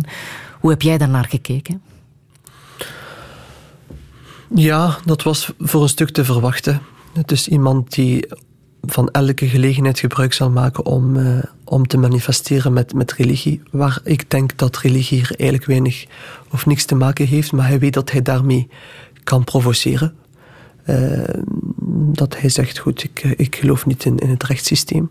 Natuurlijk heel paradoxaal, want hij heeft wel een advocaat en hij probeert zich nog altijd te verdedigen en door een procedurefout te laten vrijspreken. Dus eh, het is heel paradoxaal en het is heel jammer dat eh, dergelijke figuren bestaan, want eh, dat zijn de mensen die het hardst bijdragen aan de negatieve beeldvorming van, van islam. Dus telkens als, dergelijke, telkens als der- dergelijke mensen op, op tv verschijnen en in de, in de aandacht worden gebracht, dan merk ik al wat de reacties zouden kunnen zijn of welke perceptie er daarmee gegeven wordt. Hij is ook niet alleen. Hè. Jij praat met eh, jongeren in de gevangenis. Eh, wat is jouw ervaring daar? Ehm, zijn, komen die jongeren tot inzicht in eh, de gevangenis? Niet, niet allemaal. Sommigen zijn wel gedesillusioneerd. Sommige mensen zijn naar het kalifaat gegaan en hadden andere verwachtingen. Dan gaat het over potentiële Syrië-strijders die jij dat zijn terugkeerders, dat zijn mensen die op het laatste moment net nog tegengehouden zijn om niet te vertrekken. Dat zijn mensen die gewoon in een verre fase van radicalisering zitten. Dus dat kunnen verschillende mensen zijn. Eh sommigen onder hen betonen niet echt spijt. En dat zijn de ergste gevallen, omdat zij er gewoon van overtuigd zijn dat, dat hetgeen wat ze doen de waarheid is. En dat er een oorlog bestaat van het Westen tegen de islam. En dat zij het als een plicht zien om, om mee in die strijd eh, eh, te gaan en, en mee te strijden tegen het Westen. Dus, en zij zijn daarvan overtuigd. Op welke manier raken zij zo makkelijk overtuigd van dat idee? Wat, wat is de voedingsbodem? Bij de hoogopgeleide of bij de, bij de meer simpelere zielen? Allebei? Wel, de, de hoge opgeleide, die, die, als, als je hem beluistert, dan gaat het vaak over, over geopolitiek en een politiek verhaal. Hè, van ja, wat heeft het Westen de afgelopen decennia daar in die landen gedaan? eh, de inmenging en we zijn in oorlog, dus we moeten oorlog terugvoeren en dergelijke retoriek. Maar bij de laag opgeleide, ja, die worden mee op de sleeptouw genomen door heel simplistische discoursen. Door heel simplistisch discours, door te vertellen dat de profeet Mohammed ooit gezegd heeft dat de overwinning van de islam zal komen uit een gebied in Syrië, eh, genaamd Debir bijvoorbeeld. Dat is ook de reden waarom het tijdschrift van IS, eh, dat uitgegeven werd, ook Debir heet. Dat refereert aan dat gebied in Syrië waar zogenaamd de overwinning zal komen van de islam. Dus die, die gasten denken wij zijn uitverkoren. Wij mogen dat project van eh, de profeet Mohammed, eh, dat hij 14 eeuwen geleden heeft uitgesproken, mogen wij gaan waarmaken. Wij zijn de belichaming daarvan. Dat is ook wat in de Koran staat. Hè? Nee, dat, dat- er een islamitische staat is opgericht en dat eh, Mohammed dat. eh, Wel, in de Koran staat het niet. Mohammed was een kind van zijn tijd. Hij heeft gewoon een samenlevingsmodel gemaakt. Eh, in dit geval baserend op, op de openbaring van God, zoals dat trouwens in Europa ook heel lang het geval is geweest, dat de machtsorde be- bepaald werd tijdens het ancien regime door, door God en door de, door de kerk. Dus dat is in de Arabisch-Islamitische wereld ook zo geweest. Maar natuurlijk, als samenleving maak je evoluties. Je maakt samenlevingsmodellen die gedragenheid heeft bij de bevolking en die de het volk moet gaan vertegenwoordigen. En men, in Europa heeft men daar ellenlange strijd voor gevoerd en tot men op democratie is uitgekomen die het beste systeem is, want dat geeft mensen allemaal de ruimte om mee te bepalen wie daar straks hen vertegenwoordigt. Dus de, de islam heeft nooit zich uitgesproken over één bepaalde samenlevingsmodel. Heeft enkel maar onderstreept welke principes er moeten eh, bestaan in, die, in, in, in dat samenlevingsmodel. Namelijk, het moet een samenlevingsmodel zijn dat in zekere zin sociaal gerechtigheid moet, moet bewerkstelligen, gelijkheid moet brengen, rechtvaardigheid moet brengen, eh, de mensenrechten moet respecteren, et cetera. Dat zijn de, de, de belangrijke hoge principes in de islam. Maar hoe dat samenlevingsmodel er moet uitzien, welke vorm het moet krijgen, dat heeft de islam eigenlijk opengelaten. Uh, en de mensen die dan letterlijk de geschiedenis willen, willen uh, kopiëren, ja, die, die nemen dan één samenlevingsmodel dat ooit in die tijd gewerkt heeft en men wil dat extrapoleren naar vandaag. Maar dan houdt men niet rekening met de nieuwe realiteit, dat er bijvoorbeeld na de Tweede Wereldoorlog een nieuwe wereldorde is gekomen, waarin de structuren vandaag mondiaal uh, uh, bepaald worden, dat, dat er connecties zijn tussen verschillende landen. En men gaat dat helemaal naast zich neerleggen en men komt met een nieuw model dat teruggaat tot zoveel eeuwen terug en dat dus niet meer past in deze realiteit. Ja, dan moet men natuurlijk niet zo verwonderd zijn dat mensen daar ook heel raar naar kijken. Ja. Stel nu dat jij Salah Abdeslam zelf zou kunnen spreken, wat zou je hem zeggen? Ja, ik weet niet of hij uh, iets te vertellen zal hebben aan mij. Uh, ik hoorde ook van Sven Marie uh, vertellen in het verleden dat uh, hij een UK heeft van een lege asbak. Ik vond dat een hele sterke uitdrukking. Dus ik weet niet of dat die man wel überhaupt iets weet over de islam, om daar dan ook nog ten gronde een gesprek mee te kunnen voeren. En dat, dat, is voor jou herkenbaar? Dat veel jongeren zich op een heel eenvoudige wijze informeren via een samenvatting eh, van eh, de Koran? Ja, de, de, islam en de religie waarmee ze uitpakt, dekt veel meer andere zaken. Als je kijkt naar het verleden van deze mensen, dat was niet een verleden van uh, mensen die frequent frequent naar moskee kwamen, toegewijd waren tot God, uh, zich ten dienste hadden gesteld voor de gemeenschap, überhaupt gekend waren in de gemeenschap. Het waren niet de verlichte geesten, de meest intellectueel. Het waren eerder mensen die gekend stonden in, in verkeerde milieus, in drugscriminaliteit, uh, uh, noem maar op. En dat zij daar ergens ronselaars zijn tegengekomen die hen vertellen dat als zij hun leven willen beteren, dat zij zichzelf best moeten opofferen voor God. Want zij hebben zoveel op hun kerfstok. En je kan eigenlijk geen aanspraak meer maken op de vergeving van God voor hetgeen wat je allemaal hebt gedaan, behalve wanneer je je opwerpt in die strijd. Mm ja, ze blijven wel Er is een uh, moslimleraar die van de week op het matje is geroepen omdat hij uh, de conservatieve lezing van, uh, van de Koran heeft gepromoot op de website van Vlerig. Dat is er nu afgehaald. Heb je ook gevolgd, wellicht? Heb ik ook gevolgd, inderdaad. Ja, Vlerig bleek een vereniging te, vereniging te zijn, opgericht door een aantal islamleerkrachten onderling. Dus geen officiële instantie. Hè. Dus het vertegenwoordigt niet het officiële islamonderwijs, laat dat heel duidelijk zijn. Dus de, de mensen die aan het roer van het islamonderwijs waren ook niet op de hoogte van, van dat initiatief. En blijkbaar heeft iemand van die bestuurders daar een aantal notities geplaatst op die website, waar toch wel uh, inderdaad uh, inhoud stond uh, die heel veel vragen oproept. men heeft dat dan heel snel weggehaald. Blijkbaar is de voorzitter van de vereniging was hij zelf ook niet op de hoogte dat iemand van zijn bestuurders dergelijke info daarop had uh, geplaatst. Want de voorzitter blijkt wel een heel uh, progressieve man te zijn, die zich daar helemaal niet achter schaart. Maar je ziet wel dat natuurlijk uh, het islamonderwijs men heeft vandaag meer dan 735 leerkrachten in, in, Vlaanderen alleen. Dus het is niet altijd makkelijk om, om altijd op de hoogte te zijn van eh, wie waar staat. Je kan enkel maar procedures uh, installeren, dat je moet beschikken over nodige kwalificaties, maar je kan niet elke dag naast die leerkracht in die klas gaan staan en in zijn gedachten gaan kruipen wat hoe hij precies kijkt naar deze samenleving. En dat maakt het soms moeilijk, waardoor heel wat leerkrachten misschien door de mazen van het net glippen en daar toch voor de klas komen te staan en, en, achteraf moet blijken dat zij toch wel uh, uitspraken doen uh, die de wenkbrauwen doen fronsen. Maar ik ben blij om te zien dat de verantwoordelijken van het islamonderwijs en de moslimexecutieven meteen ook gereageerd hebben om, om te kijken wat daar fout is gegaan en die mensen dan ook op het matje te roepen. Ja. Is er ook al gereageerd op het feit dat er ook in de sport behoorlijk wat geradicaliseerd wordt? Hè? Er is een boek verschenen in Frankrijk van Médéric Chapiteau mm -hmm. daarover. Um, is daar al op gereageerd? Want dat is blijkbaar ook wel een. Ja, wel, dat, het, dat het gebeurde, daar was ik van op de hoogte. Maar dat er nu daar een boek van verschenen is en dat het blijkbaar dus wel heel sterk aanwezig is, daar was ik niet van op de hoogte. Ik weet wel dat het een van de kanalen is, omdat het gewoon een plaats is waar jongeren samenkomen. Dus uh, je zoekt natuurlijk ook als ronselaar plaatsen op waar jongeren het, het sterkst gemobiliseerd zijn. Uh, en zeker in een discipline als sport is dat, is dat misschien werd dat nog iets versterkender. Dus ik had al weet dat die plaatsen vaak plaatsen zijn waar men probeert. Uh, maar ik denk dat de, het de overgrote meerderheid van mensen die vandaag nog altijd radicaal worden of radicaliseren, dat het nog altijd op sociale media, op internet gebeurt. eh, in, de, in de eerste plaats. En in de tweede plaats inderdaad eh, op straat, eh, in boxclubs, in, in, eh, in clandestiniteit. Eh, dat gebeurt ook, jammer genoeg, ja. Ah, en hoe probeer jij dat te counteren?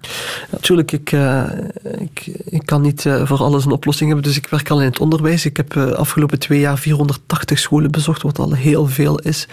Ik, ik ga ook rond op, op, op de moskee, bij de moskeeën in Vlaanderen. Ik, ik probeer ook in mijn eigen omgeving in Gent mijn contacten met, met de moslimjongeren heel, heel uh, nauw te onderhouden. Uh, ik ben ook heel toegankelijk. Ik denk dat de drempel heel laag is om naar mij toe te komen. Ik ben niet de imam die echt daar in zijn ivoren toren zit. Uh, ik ben een van hen, dus ik denk dat ze het ook makkelijker vinden om tot mij te komen en vragen te stellen, die ik dan ook op dat moment op een informele wijze heel luchtig snel kan counteren, waardoor ik elke vorm van voedingsbodem vroegtijdig probeer weg te nemen voor het eigenlijk al zover komt of escaleert. Welke vragen hoor je het meest?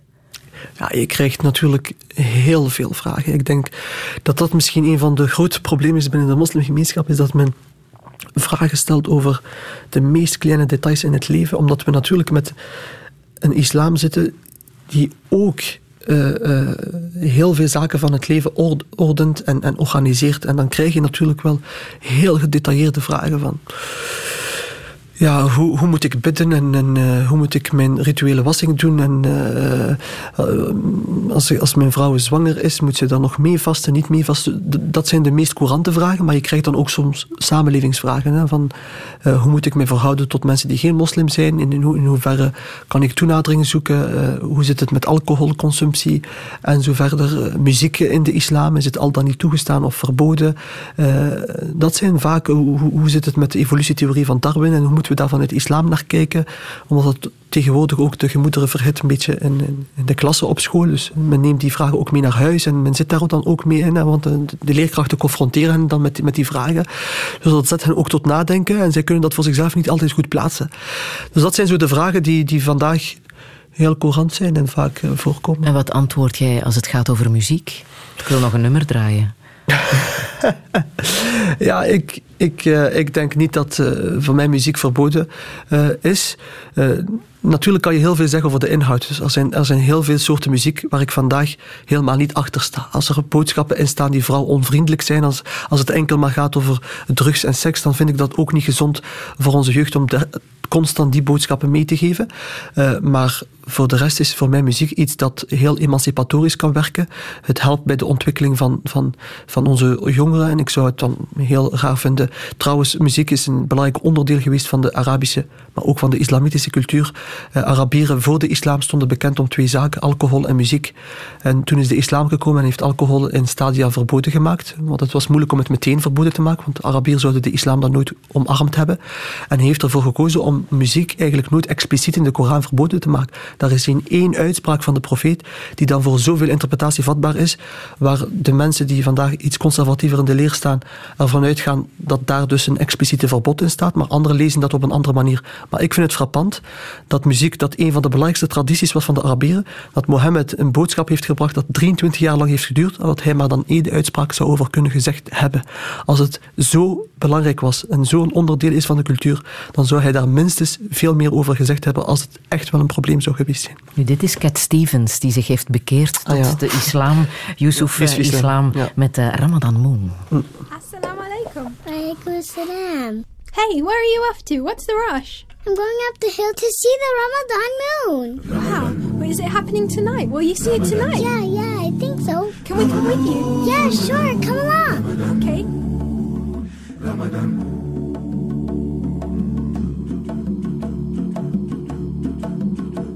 All the people are coming and going, getting ready, toing and froing. There's a buzz in the world tonight. People are so excited. Daddy's coming home soon, hoping to see the moon, hoping to catch a sight. Everyone's so happy. Moon, moon, come out soon. We're off to see the Ramadan moon. Cloud shift, fog lift, city without lights. We want to see the Ramadan moon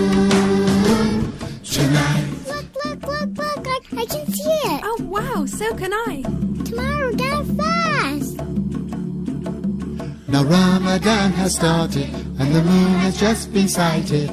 Tomorrow we all fast.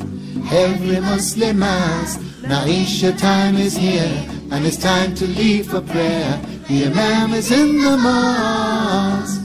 The Quran is in his heart.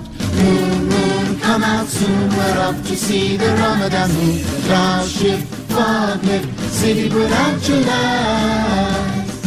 We want to see the Ramadan moon tonight. I'm going to the mosque. Come with me. Okay. Come on. Ooh, Ramadan moon.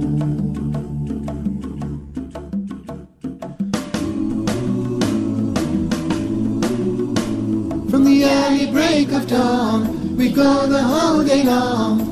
Shops are full of days, but still we have to wait till the sun goes down and it's time to break us yam.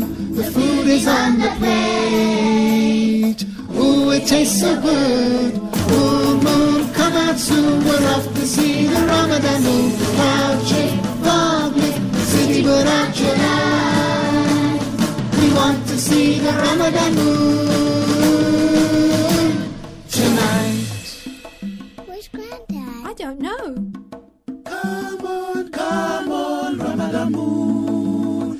Ramadan moon. I think he's going to the mosque the last ten days. I'm gonna miss him. We'll see him when he comes out. Now Grandad's in itikaf, only ten days are left. He's praying every night, dressed all in white, hands held high, with tears in his eyes, asking for forgiveness and paradise. Moon, moon, come out soon, we're to see the Ramadan moon. Cloud shift, fog lift, city without your lights. We want to see the Ramadan moon tonight. Did you see the moon last night? No, why? It's the moon of Shawwal. That means it's Eid tomorrow. Eid Mubarak. Eid Mubarak. See you tomorrow for Eid. Inshallah. Now it's time again for Eid. Ramadan ran with speed. Like an old friend. Ramadan moon. Yusuf Islam met Ramadan Moon.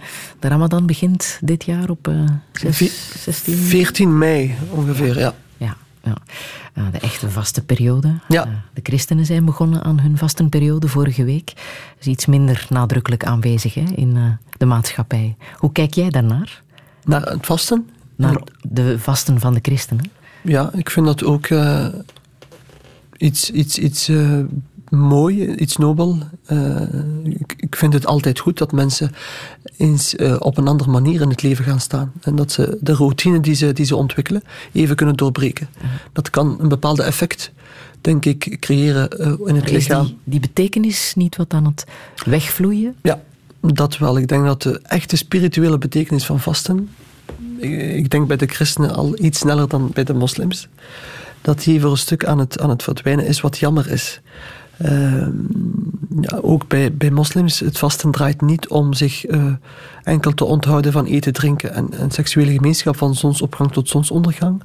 Daar zit veel meer achter. hè. Het is een manier om, om te benadrukken dat je als mens niet enkel maar een lichaam hebt, maar ook geest. En dat je niet altijd moet toegeven aan de driften, lusten van het lichaam en die enkel mo- moet bevredigen.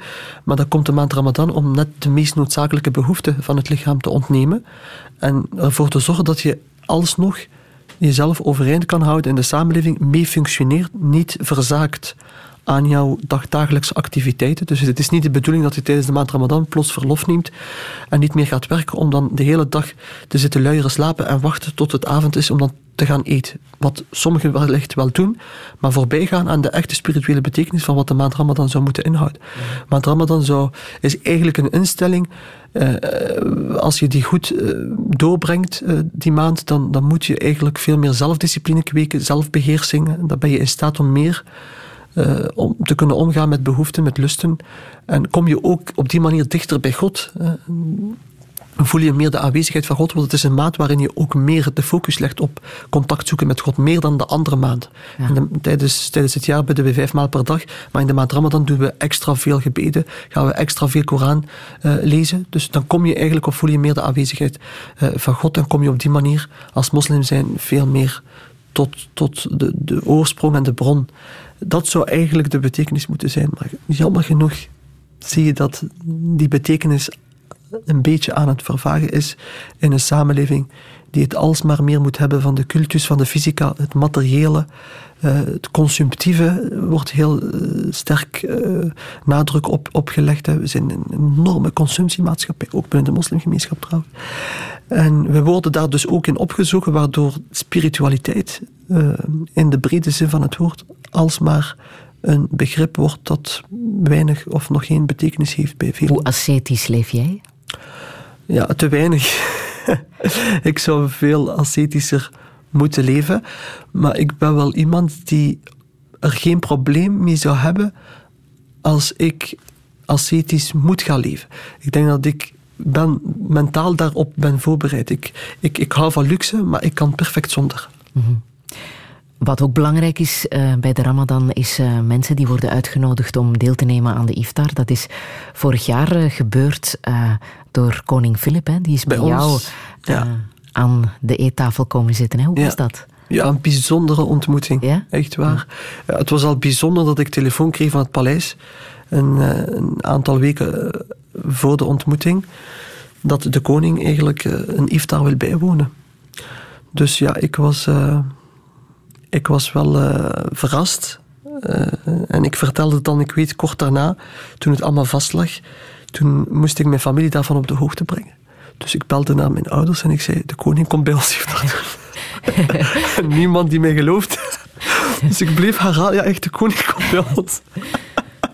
En ik moest dat dus vertellen aan mijn broers en mijn zus, maar ze geloofden mij dus niet dat de koning echt bij ons thuis komt. Want dat is ook niet gebruikelijk. Ik denk dat dat ook niet protocolair zo is dat de koning bij iemand zomaar thuis gaat. Maar plots ja, in een, in een stroomversnelling, eh, contact gehad met, eh, met de entourage van de koning, alle zaken op, eh, op orde kunnen brengen. En daar was hij dan. En daar was hij dan, bij ons thuis eh, aan de tafel. En hij gaf ook duidelijk aan van... Jullie hoeven geen speciale voorzieningen te doen. Ik wil gewoon aansluiten en zien hoe een eh, modale moslim hier in Vlaanderen de Ramadan beleeft. En dat vond een heel, heel sobere, bescheiden man. Eh, we hebben hem allerlei Marokkaanse traditionele gerechten aangeboden. Eh, hij heeft van alles ook gegeten. Hij vond het ook allemaal lekker. Hij is ook langer gebleven dan eigenlijk voorzien was. Eh, aangename gesprekken gehad. Hij heeft zich heel opengesteld, moet ik zeggen. Echt, een, hij heeft echt... hij wist ook wie, wie aan tafel zat, want ik moest op voorhand ook aangeven wie, wie er aanwezig zal zijn. Maar hij had zijn huiswerk heel goed gemaakt, want hij wist, hij wist eigenlijk iedereen zijn naam en hij wist wat iedereen deed. Dus dat gaf wel eh, een mooie erkenning, denk ik, zowel naar, naar, naar mij toe en het werk dat ik lever, naar mijn familie, maar vooral ook, denk ik, naar de moslimgemeenschap. Was dat een hele mooie signaal in de samenleving, in een tijd waarin de islam uit een heel moeilijke periode komt, waarin mensen in, naam van die islam toch wel eh, heel erge dingen hebben gedaan. Eh, een samenleving die dan ook eh, vaak gaat veralgemenen, toch sommigen, heel die moslimgemeenschap wegzet. Islam komt in verdrukking. En dan heb je een belangrijke persoon in dit land, eh, hoewel hij natuurlijk niet zoveel macht heeft, maar ik denk symbolisch heeft het wel een heel sterke waarde. eh, dat hij dan zegt: Goed, kijk, ik geef aan dat deze mensen als moslims in Vlaanderen ook onderdeel zijn van onze Belgische, van onze Belgische samenleving.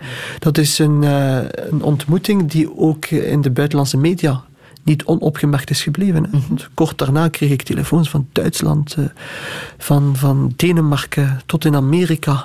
Al Jazeera, de bekende Arabische zender, wou een interview. Dus iedereen wou erover bericht. Dus hij heeft, hij heeft denk ik een, eh, Een snaar geraakt. een snaar geraakt, maar ook misschien anderen nu geïnspireerd. Hè. Dus eh, Ja. laten we hopen dat we dit jaar in de Ramadan andere leiders zullen zien in de wereld die in zijn Zou, voetsporen zou zullen treden. Filip al in een sisha-lounge zijn geweest? Zou hij al de waterpijp hebben gerookt? Dat denk ik niet. Dat denk Kom ik jij daar? Soms kom ik daar wel. Ja, eh, allee, ik, in, in Gent is er, een, is er eentje die eh, uitge, waar de zaakvoerder een eh, goede vriend is van mij. Een jeugdvriend. eh, en hij heeft een, dus, eh, nu een heel mooie zaak in Gent, hè, Bardor, eh, waar heel veel mensen komen. Het is echt een ontmoetingsplaats. Dus als ik heel veel van mijn vrienden wil tegenkomen, of als ik mijn vrienden bel en ik moet ze zien, dan zijn ze vaak daar. Dus dan kan ik bijna niet anders dan daar ook naartoe gaan. Maar ik doe het zelf niet. Nee? Waarom niet? In principe, een van de zoveel principes die ik heb in mijn leven. Bijvoorbeeld, ik drink nooit alcohol en ik heb mezelf voorgenomen dat ik dat ook nooit zal doen. Anders zou ik dat ervaren voor mezelf dan als een vorm van zwakte waar ik aan toegeef. Ja? Ja, ik heb een aantal principes en die principes eh, mij aanhouden geeft mij nog het gevoel dat ik, dat ik nog mezelf onder controle heb op een of andere manier. Dat is heel raar. Maar daaraan toegeven zou een blijk van zwakte zijn naar mezelf toe. Dus, en, en zo waterpijp is, is zo een van die principes. Dus ik zit daar vaak en die jongens doen dat wel, maar ik heb het nog nooit, nog nooit gedaan. Ja. Gaat het daarover, jezelf onder controle houden? Als ik daar bijvoorbeeld ook de MeToo-kwestie tegenover zet en alles wat er op dit moment eh, aan taboes naar boven komt. ehm, gaat het daarover dat we als mens ja, terug moeten eh, plooien op, op eh, ja, onszelf in bedwang kunnen houden? Of ik, ik, ik vind er nu niet de goede Ja. woorden voor. In elk geval geloof ik niet dat de mens, eh, eh, dat de mens totaal vrij kan zijn. En zomaar alles kan doen wat hij denkt of waar zijn behoeften en zijn lusten hem uitnodigen om te doen. Ja? Ja, ik, Er zijn grenzen. ik denk dat er grenzen zijn. En ik denk dat dat misschien iets is waar wij te ver in zijn doorgeschoten. We hebben ooit hier in Europa vooral, in het Westen, een verhaal verteld van absolute vrijheid. Eh, Een mens kan doen wat hij wil. Hij is vrij. Eh, als je alle elementen wegneemt die zijn vrijheid beperken, dan komen we daardoor wel uit op een gelukkige samenleving. Maar eigenlijk staan we op in een samenleving waarin die vrijheden botsen met elkaar. En, en nu zie je dat daar eigenlijk op een heel onwennige manier mee wordt omgegaan. Mensen weten niet meer, oké, waar is nu de grens van die vrijheid? Dus de, de slinger is zo ver doorgedraaid dat we eigenlijk niet meer weten hoe goed, uh, wat is de grens en wie zou die grens moeten bepalen. Vroeger ooit was dat God die dat bepaalde, maar God die willen we terug niet meer inroepen in onze samenleving. Dus we moeten andere kaders vinden die die vrijheid of moeten waken over die grenzen van die vrijheid. Ja, dan kijken we heel snel naar het juridische kader. De wetten moeten dat doen, maar we willen ook niet alles gaan betoneren in wetten, want onze samenleving mag ook niet enkel bestaan uit wetten en regels. Dus je moet het ook dan in de samenleving proberen die re- regels te gaan, gaan creëren en, en sociale normen te brengen. En, en dat heeft tijd nodig, want voor, voor sociale normen te brengen heb je een sterke sociale weefsel nodig. Heb je een samenleving nodig die coherent aan elkaar samenhangt, waar de sociale cohesie ook goed zit. Maar onze samenleving vandaag vertoont barsten in die sociale cohesie. En dat heeft te maken met een wereld die verandert, culturen die samenkomen, multiculturaliteit staat onder druk, eh, heel veel andere elementen. Mensen zijn angstig, aanslagen zijn er geweest, mensen zijn onzeker over hun toekomst, eh, de globale economie die alles dreigt over te nemen. Dus in een heel onzekere, angstige tijd is het heel moeilijk om dan inderdaad eh, die sociale cohesie te gaan versterken. En dan zit je daar wie zal nog bepalen wat die grenzen zijn als we elkaar allemaal niet meer eh, lijken te vertrouwen? Eh, eh, als, als we dan naar de wet moeten kijken, maar de, de wet is dan nog de enige, maar dat, dat heeft een heel dwingend karakter. God willen we niet meer inroepen. Ja, want in hoeverre zal religie, religie nog nodig zijn in de toekomst? Hoe kijk jij daarnaar? Wel, ik denk dat mensen altijd wel nood zullen hebben aan iets wat hen zelf overstijgt.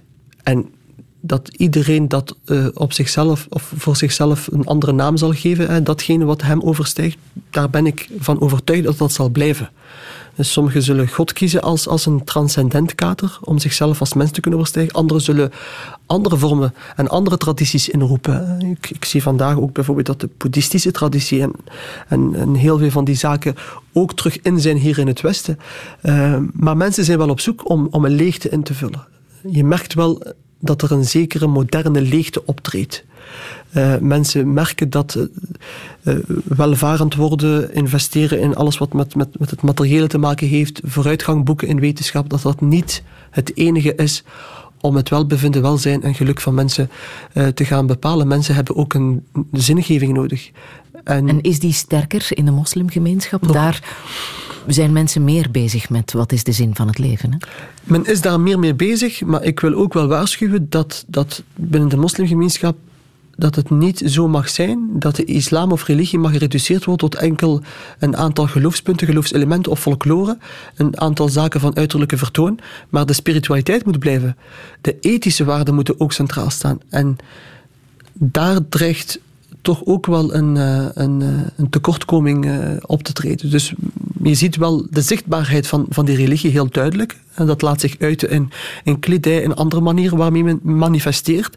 Maar het is de bedoeling dat de, dat de, de, de, de spirituele grondslagen daar ook nog wel een bepaalde basis krijgen. Want anders... anders Zal de hoofddoek blijven, denk je? Ik denk dat wel. Ja? Dat, dat zal altijd een heikel punt blijven, want in tegenstelling tot andere vormen van kleding, denk aan de burka die dan nog veel erger is, of, of veel meer bedekt, eh, is de hoofddoek iets waar de overgrote meerderheid van de moslims ervan uitgaat dat het ook expliciet zo staat in de, in de tekst.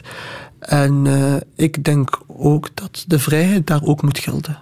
Ik, ik ben een hele grote uh, voorvechter van vrijheid. Ik zal echt de eerste, staan, de eerste zijn die op de barricade zal staan om op te, op te komen voor alles wat met vrijheid te maken heeft. Natuurlijk weliswaar begrensd, zoals we daarnet hebben besproken. Dus de elf meisjes die in Maasmechelen hun hoofddoek op school nu terug mogen dragen, dat, uh, Wel, ik ben altijd voorstander geweest om de vrijheid van vrouwen te respecteren om hen de vrijheid te geven uh, te kiezen voor wat zij willen dragen. En het argument dat altijd is opgeworpen geweest, namelijk dat er mogelijk sprake zou kunnen zijn van druk, wel, die druk moeten we aanpakken. Als er druk is op meisjes om het te dragen, dan moeten we die druk aanpakken. Maar evenzeer moeten we druk aanpakken als de samenleving meisjes dwingt om het niet te dragen. Want dat is ook druk. Dus druk kan in beide richtingen zijn. Laat de vrouw zelf daarover kiezen. En ik denk dat men zelfs versteld zal staan hoeveel vrouwen vandaag in Vlaanderen hoofddoek dragen en zo geëmancipeerd zijn, hoog opgeleid zijn en voor zichzelf dat ook uitmaken zonder dat het door iemand anders wordt opgelegd.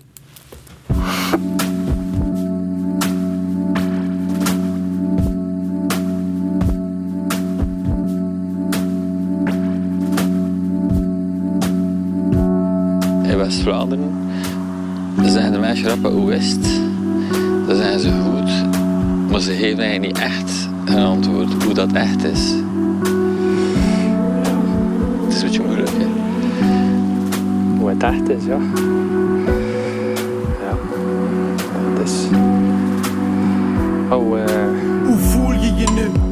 Zie je content? Ligt er als zand over ei dat verwerkt? Of zit er nog een stukje gevoel in de klem? Durf je niet te zeggen, zeg het min, ik zeg het hem. Hier is er een tafel voor gevoelens op te leggen. Pak de stoel, zet je bij, zeg het tegen hem of tegen min. Schrijf het in een brief, steek het in een lid. Allee, dat moet niet, maar dat mag, maar dat moet niet. Zeg het tegen min of tegen hem. Ja, hier zit de baas van je stem. Zeg het tegen haar of tegen hem. Want hier zit de baas van je stem. Zeg het tegen min of tegen hem. En ik haal luster. Want hier zit de baas van je stem. Zeg het tegen haar of tegen hem. En ze haal wel luster. Want hier zit de baas van je stem. Moet ik nog overal gaan en de mensen vragen hoe is het? Ja, hoe is het? Maar ze zijn al een meter verder en ze vragen, dat is echt goed, hè? En hoe is het nog met je? Heb je het al verteld? Zit je nu of slecht in je vuil? Ik zit hier voor je, naar min kun je bellen. sms'en of bericht inspreken. Karel, de woorden liggen op je lippen. Klaar heeft ze leven, of laat ze bestaan in de wereld. Witterzin, koudwater, vrezende wezens. We babbelen niet makkelijk over onze gebreken. Maar hier zijn de letters voor de zaaien en de streken. West-Vlaanderen, ik zie je zo haren. Preus lijkt 40, witterzin trots. Dus zeg me, het, leg je hart je tong aan. Zeg het tegen min of tegen hem. Ja, hier zit de baas van je stem. Zeg het tegen haar of tegen hem. Want hier zit de baas van je stem. Zeg het tegen min of tegen hem. En ik haal luster. Maar hier zit de baas van je stem. Zeg het tegen haar of tegen hem. En ze haal wel luster. Want hier zit de baas van je stem. West-Vlaanderen, leg je hart op je tong. Leg je hart op je tong. Limburg, leg je hart op je tong. Toe in Antwerpen, leg je hart op je tong. Vlaams-Brabant. Brihang met uh, Oest. Hij deed ook mee aan de grote levensvragen, de tournee waar jij ook een van de uh, gesprekspartners uh, was. de grote levensvragen loopt trouwens nog heel even. Er zijn nog drie voorstellingen in Zaventem, Herend en Bornem. Okay. Um, dat was ook een van de grote levensvragen. Hè? We zeggen wel, uh, of we vragen wel, hoe is het? Maar we zijn niet echt geïnteresseerd in het antwoord. Hè? Uh, Khalid Benadou, hoe gaat het echt met jou? um, ja, nu moet ik een cliché antwoord geven. Ja, het gaat goed. Ja. Ik heb natuurlijk mindere momenten, maar op dit moment, op het eigenste moment, gaat het wel goed. Kan jij helemaal zijn wie je bent? Niet altijd helemaal. Hè. Uh, je, bent, je bent een beetje eh, bepaald door, door de functie die je hebt. Uh, je moet dus altijd wel ergens een rol gaan spelen. En niet altijd helemaal jezelf kunnen zijn. Wat soms aan mij ook. Uh,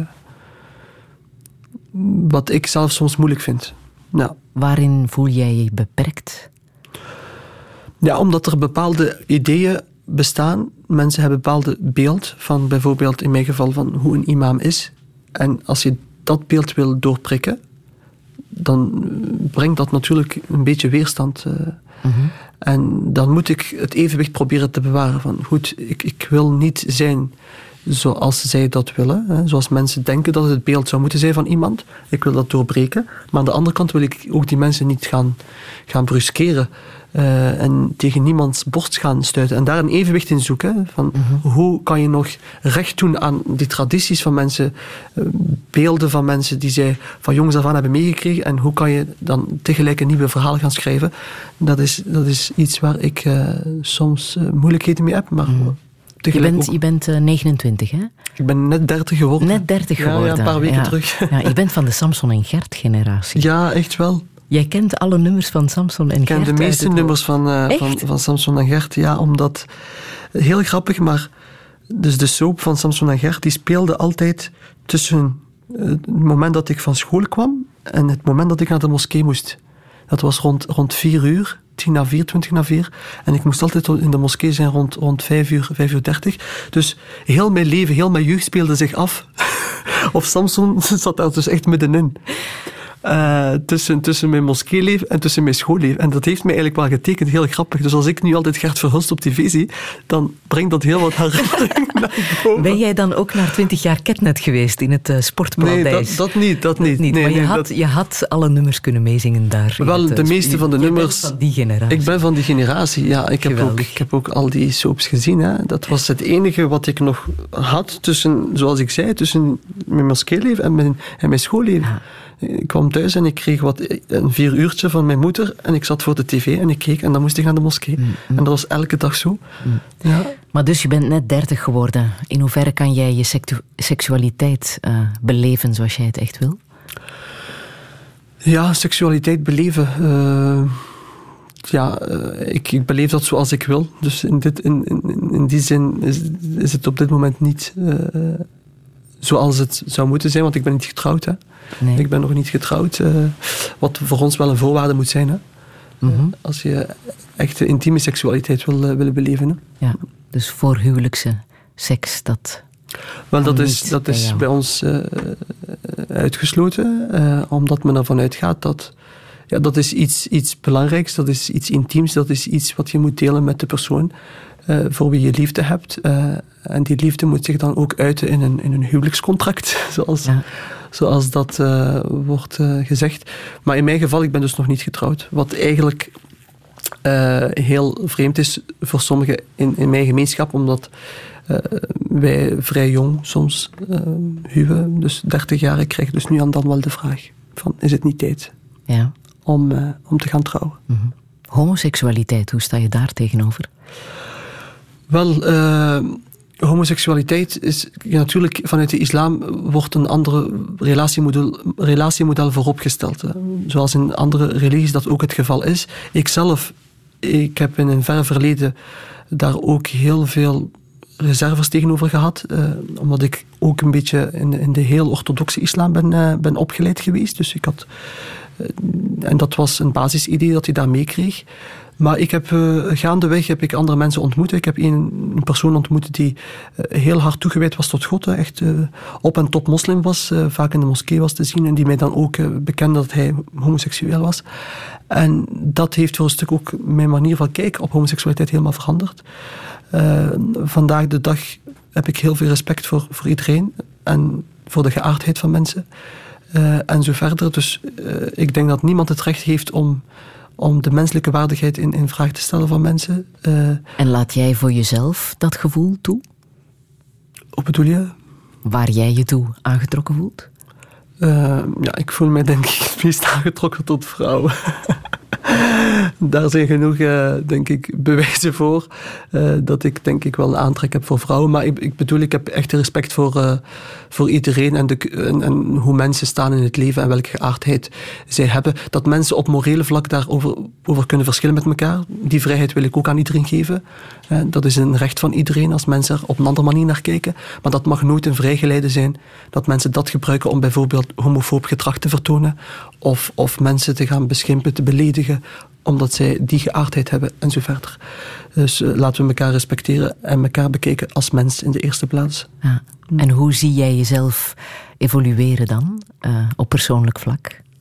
Wat zou je willen in je leven? Wel, ik ben niet de, de persoon die, die echt grote plannen maakt. Ik, uh, ik, uh, ik leef van dag tot dag. Ik probeer elke dag opnieuw het beste uit het leven te halen. Ik, uh, ik ben gefascineerd door alles wat ik doe. Ik denk dat ik iets gevonden heb waar ik ook fascinatie uit haal, namelijk het lezen, het bestuderen van, van samenleven, van mens uh, en, en het ontdekken van nieuwe ideeën, nieuwe inzichten. Dat boeit mij. Dat zal mij waarschijnlijk altijd wel boeien. En hoe ik dat straks tot uiting kan brengen, in welke functie, op welke plaats, dat maakt eigenlijk voor mij niet zoveel uit. Ik heb ooit gezegd in de morgen toen mij gevraagd werd naar de tien waarheden, ik ben niet getrouwd met mijn functie, maar wel met mijn visie.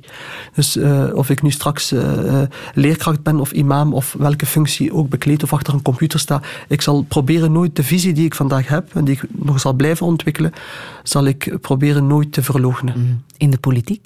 Zou dat kunnen? Dat zou misschien wel kunnen, maar op dit moment is dat niet aan de orde. Ik, ik kan me voorstellen dat de politieke partijen jou al hebben opgezocht. Dat wel, inderdaad. Ik ben al gevraagd geweest, maar zoals ik zei, ik denk dat ik op dit moment een veel belangrijker en relevantere rol kan spelen zonder politieke kleur. Ik, ik ben vandaag on speaking terms met, met verschillende partijen. Ik, uh, ik kan op die manier ook invloed hebben op beleid, door adviezen te geven, door met politici in gesprek te gaan, door uit te wisselen. Je hoeft niet altijd actief aan politiek te doen om politiek te bedrijven. Je kan ook van buiten de politiek soms evenveel mee bepalend zijn in beslissingen die genomen worden. Maar je vindt het wel een overheidsopdracht hè, om West en Oost samen te brengen, om onze culturen met elkaar te verenigen. Wij kunnen ook niet anders. Uh, het is geen keuze meer. Dus de mensen die vandaag nog spreken in termen van voorstander tegenstander, die gaan voorbij aan het feit dat diversiteit zich elke dag gewoon opdringt. En die wacht niet meer op ons, die klopt ook niet meer aan aan de deur. Die komt gewoon binnen. En de vraag is, uh, gaan we nog dagen, weken, jaren uh, discussies gaan voeren over hoe we kijken naar diversiteit? Of gaan we gewoon niet de koe bij de horens nemen en zeggen het is er nu en hoe gaan we dat aanpakken? En ik denk dat de overheid daar zeker een belangrijke taak in heeft. Hoe gaan we die diversiteit op een kordate, coherente, juiste manier gaan managen? En dan moet je zoeken naar referentiekaders die ons nog allemaal kunnen binden in heel die diversiteit. Een mensenrechtenkader kan daar één kader zijn, maar je hebt ook andere kaders. Dus we moeten echt zoeken naar gemeenschappelijke basis waar wij terug iedereen het gevoel kunnen geven je kan je eigen zijn, maar met respect voor deze belangrijke waarden die ons binden met elkaar. Hoe zie jij je oud worden? Oh. Hoe zie ik mezelf uh, oud worden?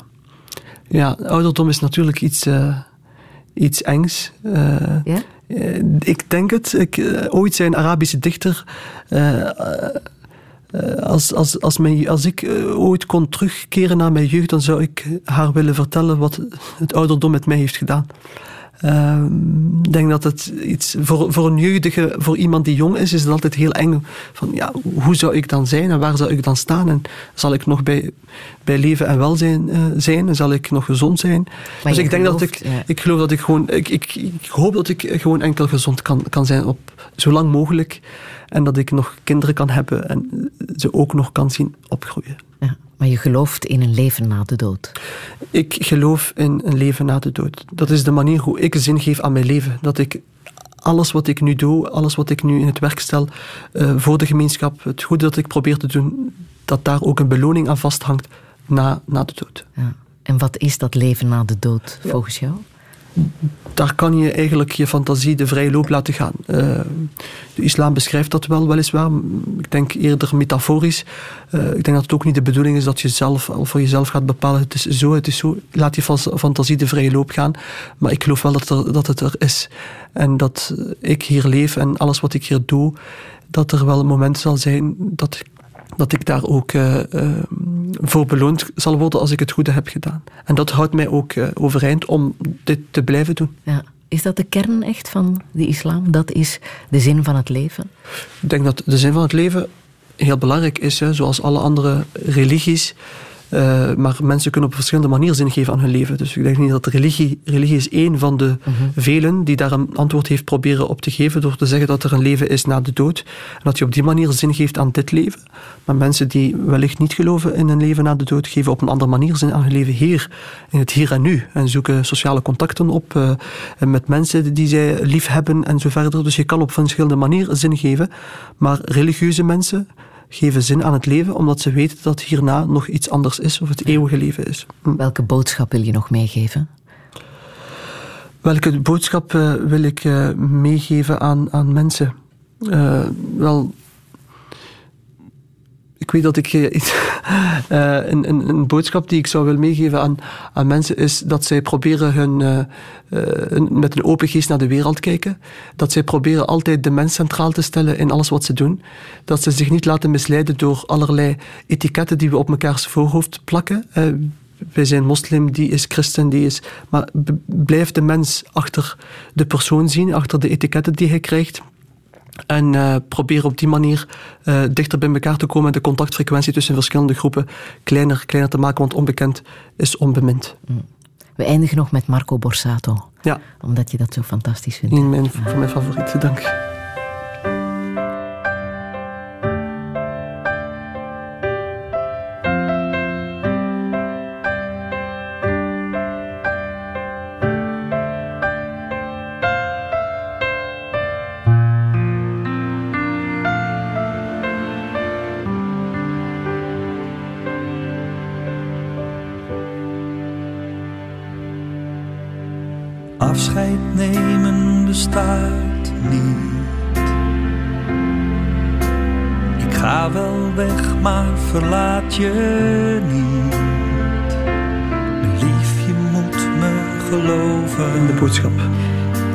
Van Marco Borsato dat we het zo kunnen meezingen. Ik kan het maar heel even laten horen. Khalid Benadou, ik wil jou heel hartelijk bedanken voor dit fijne gesprek. Alle info staat na te lezen op radio1.be. Volgende week verwacht ik hier schrijver Oscar van den Boogaard. Radio 1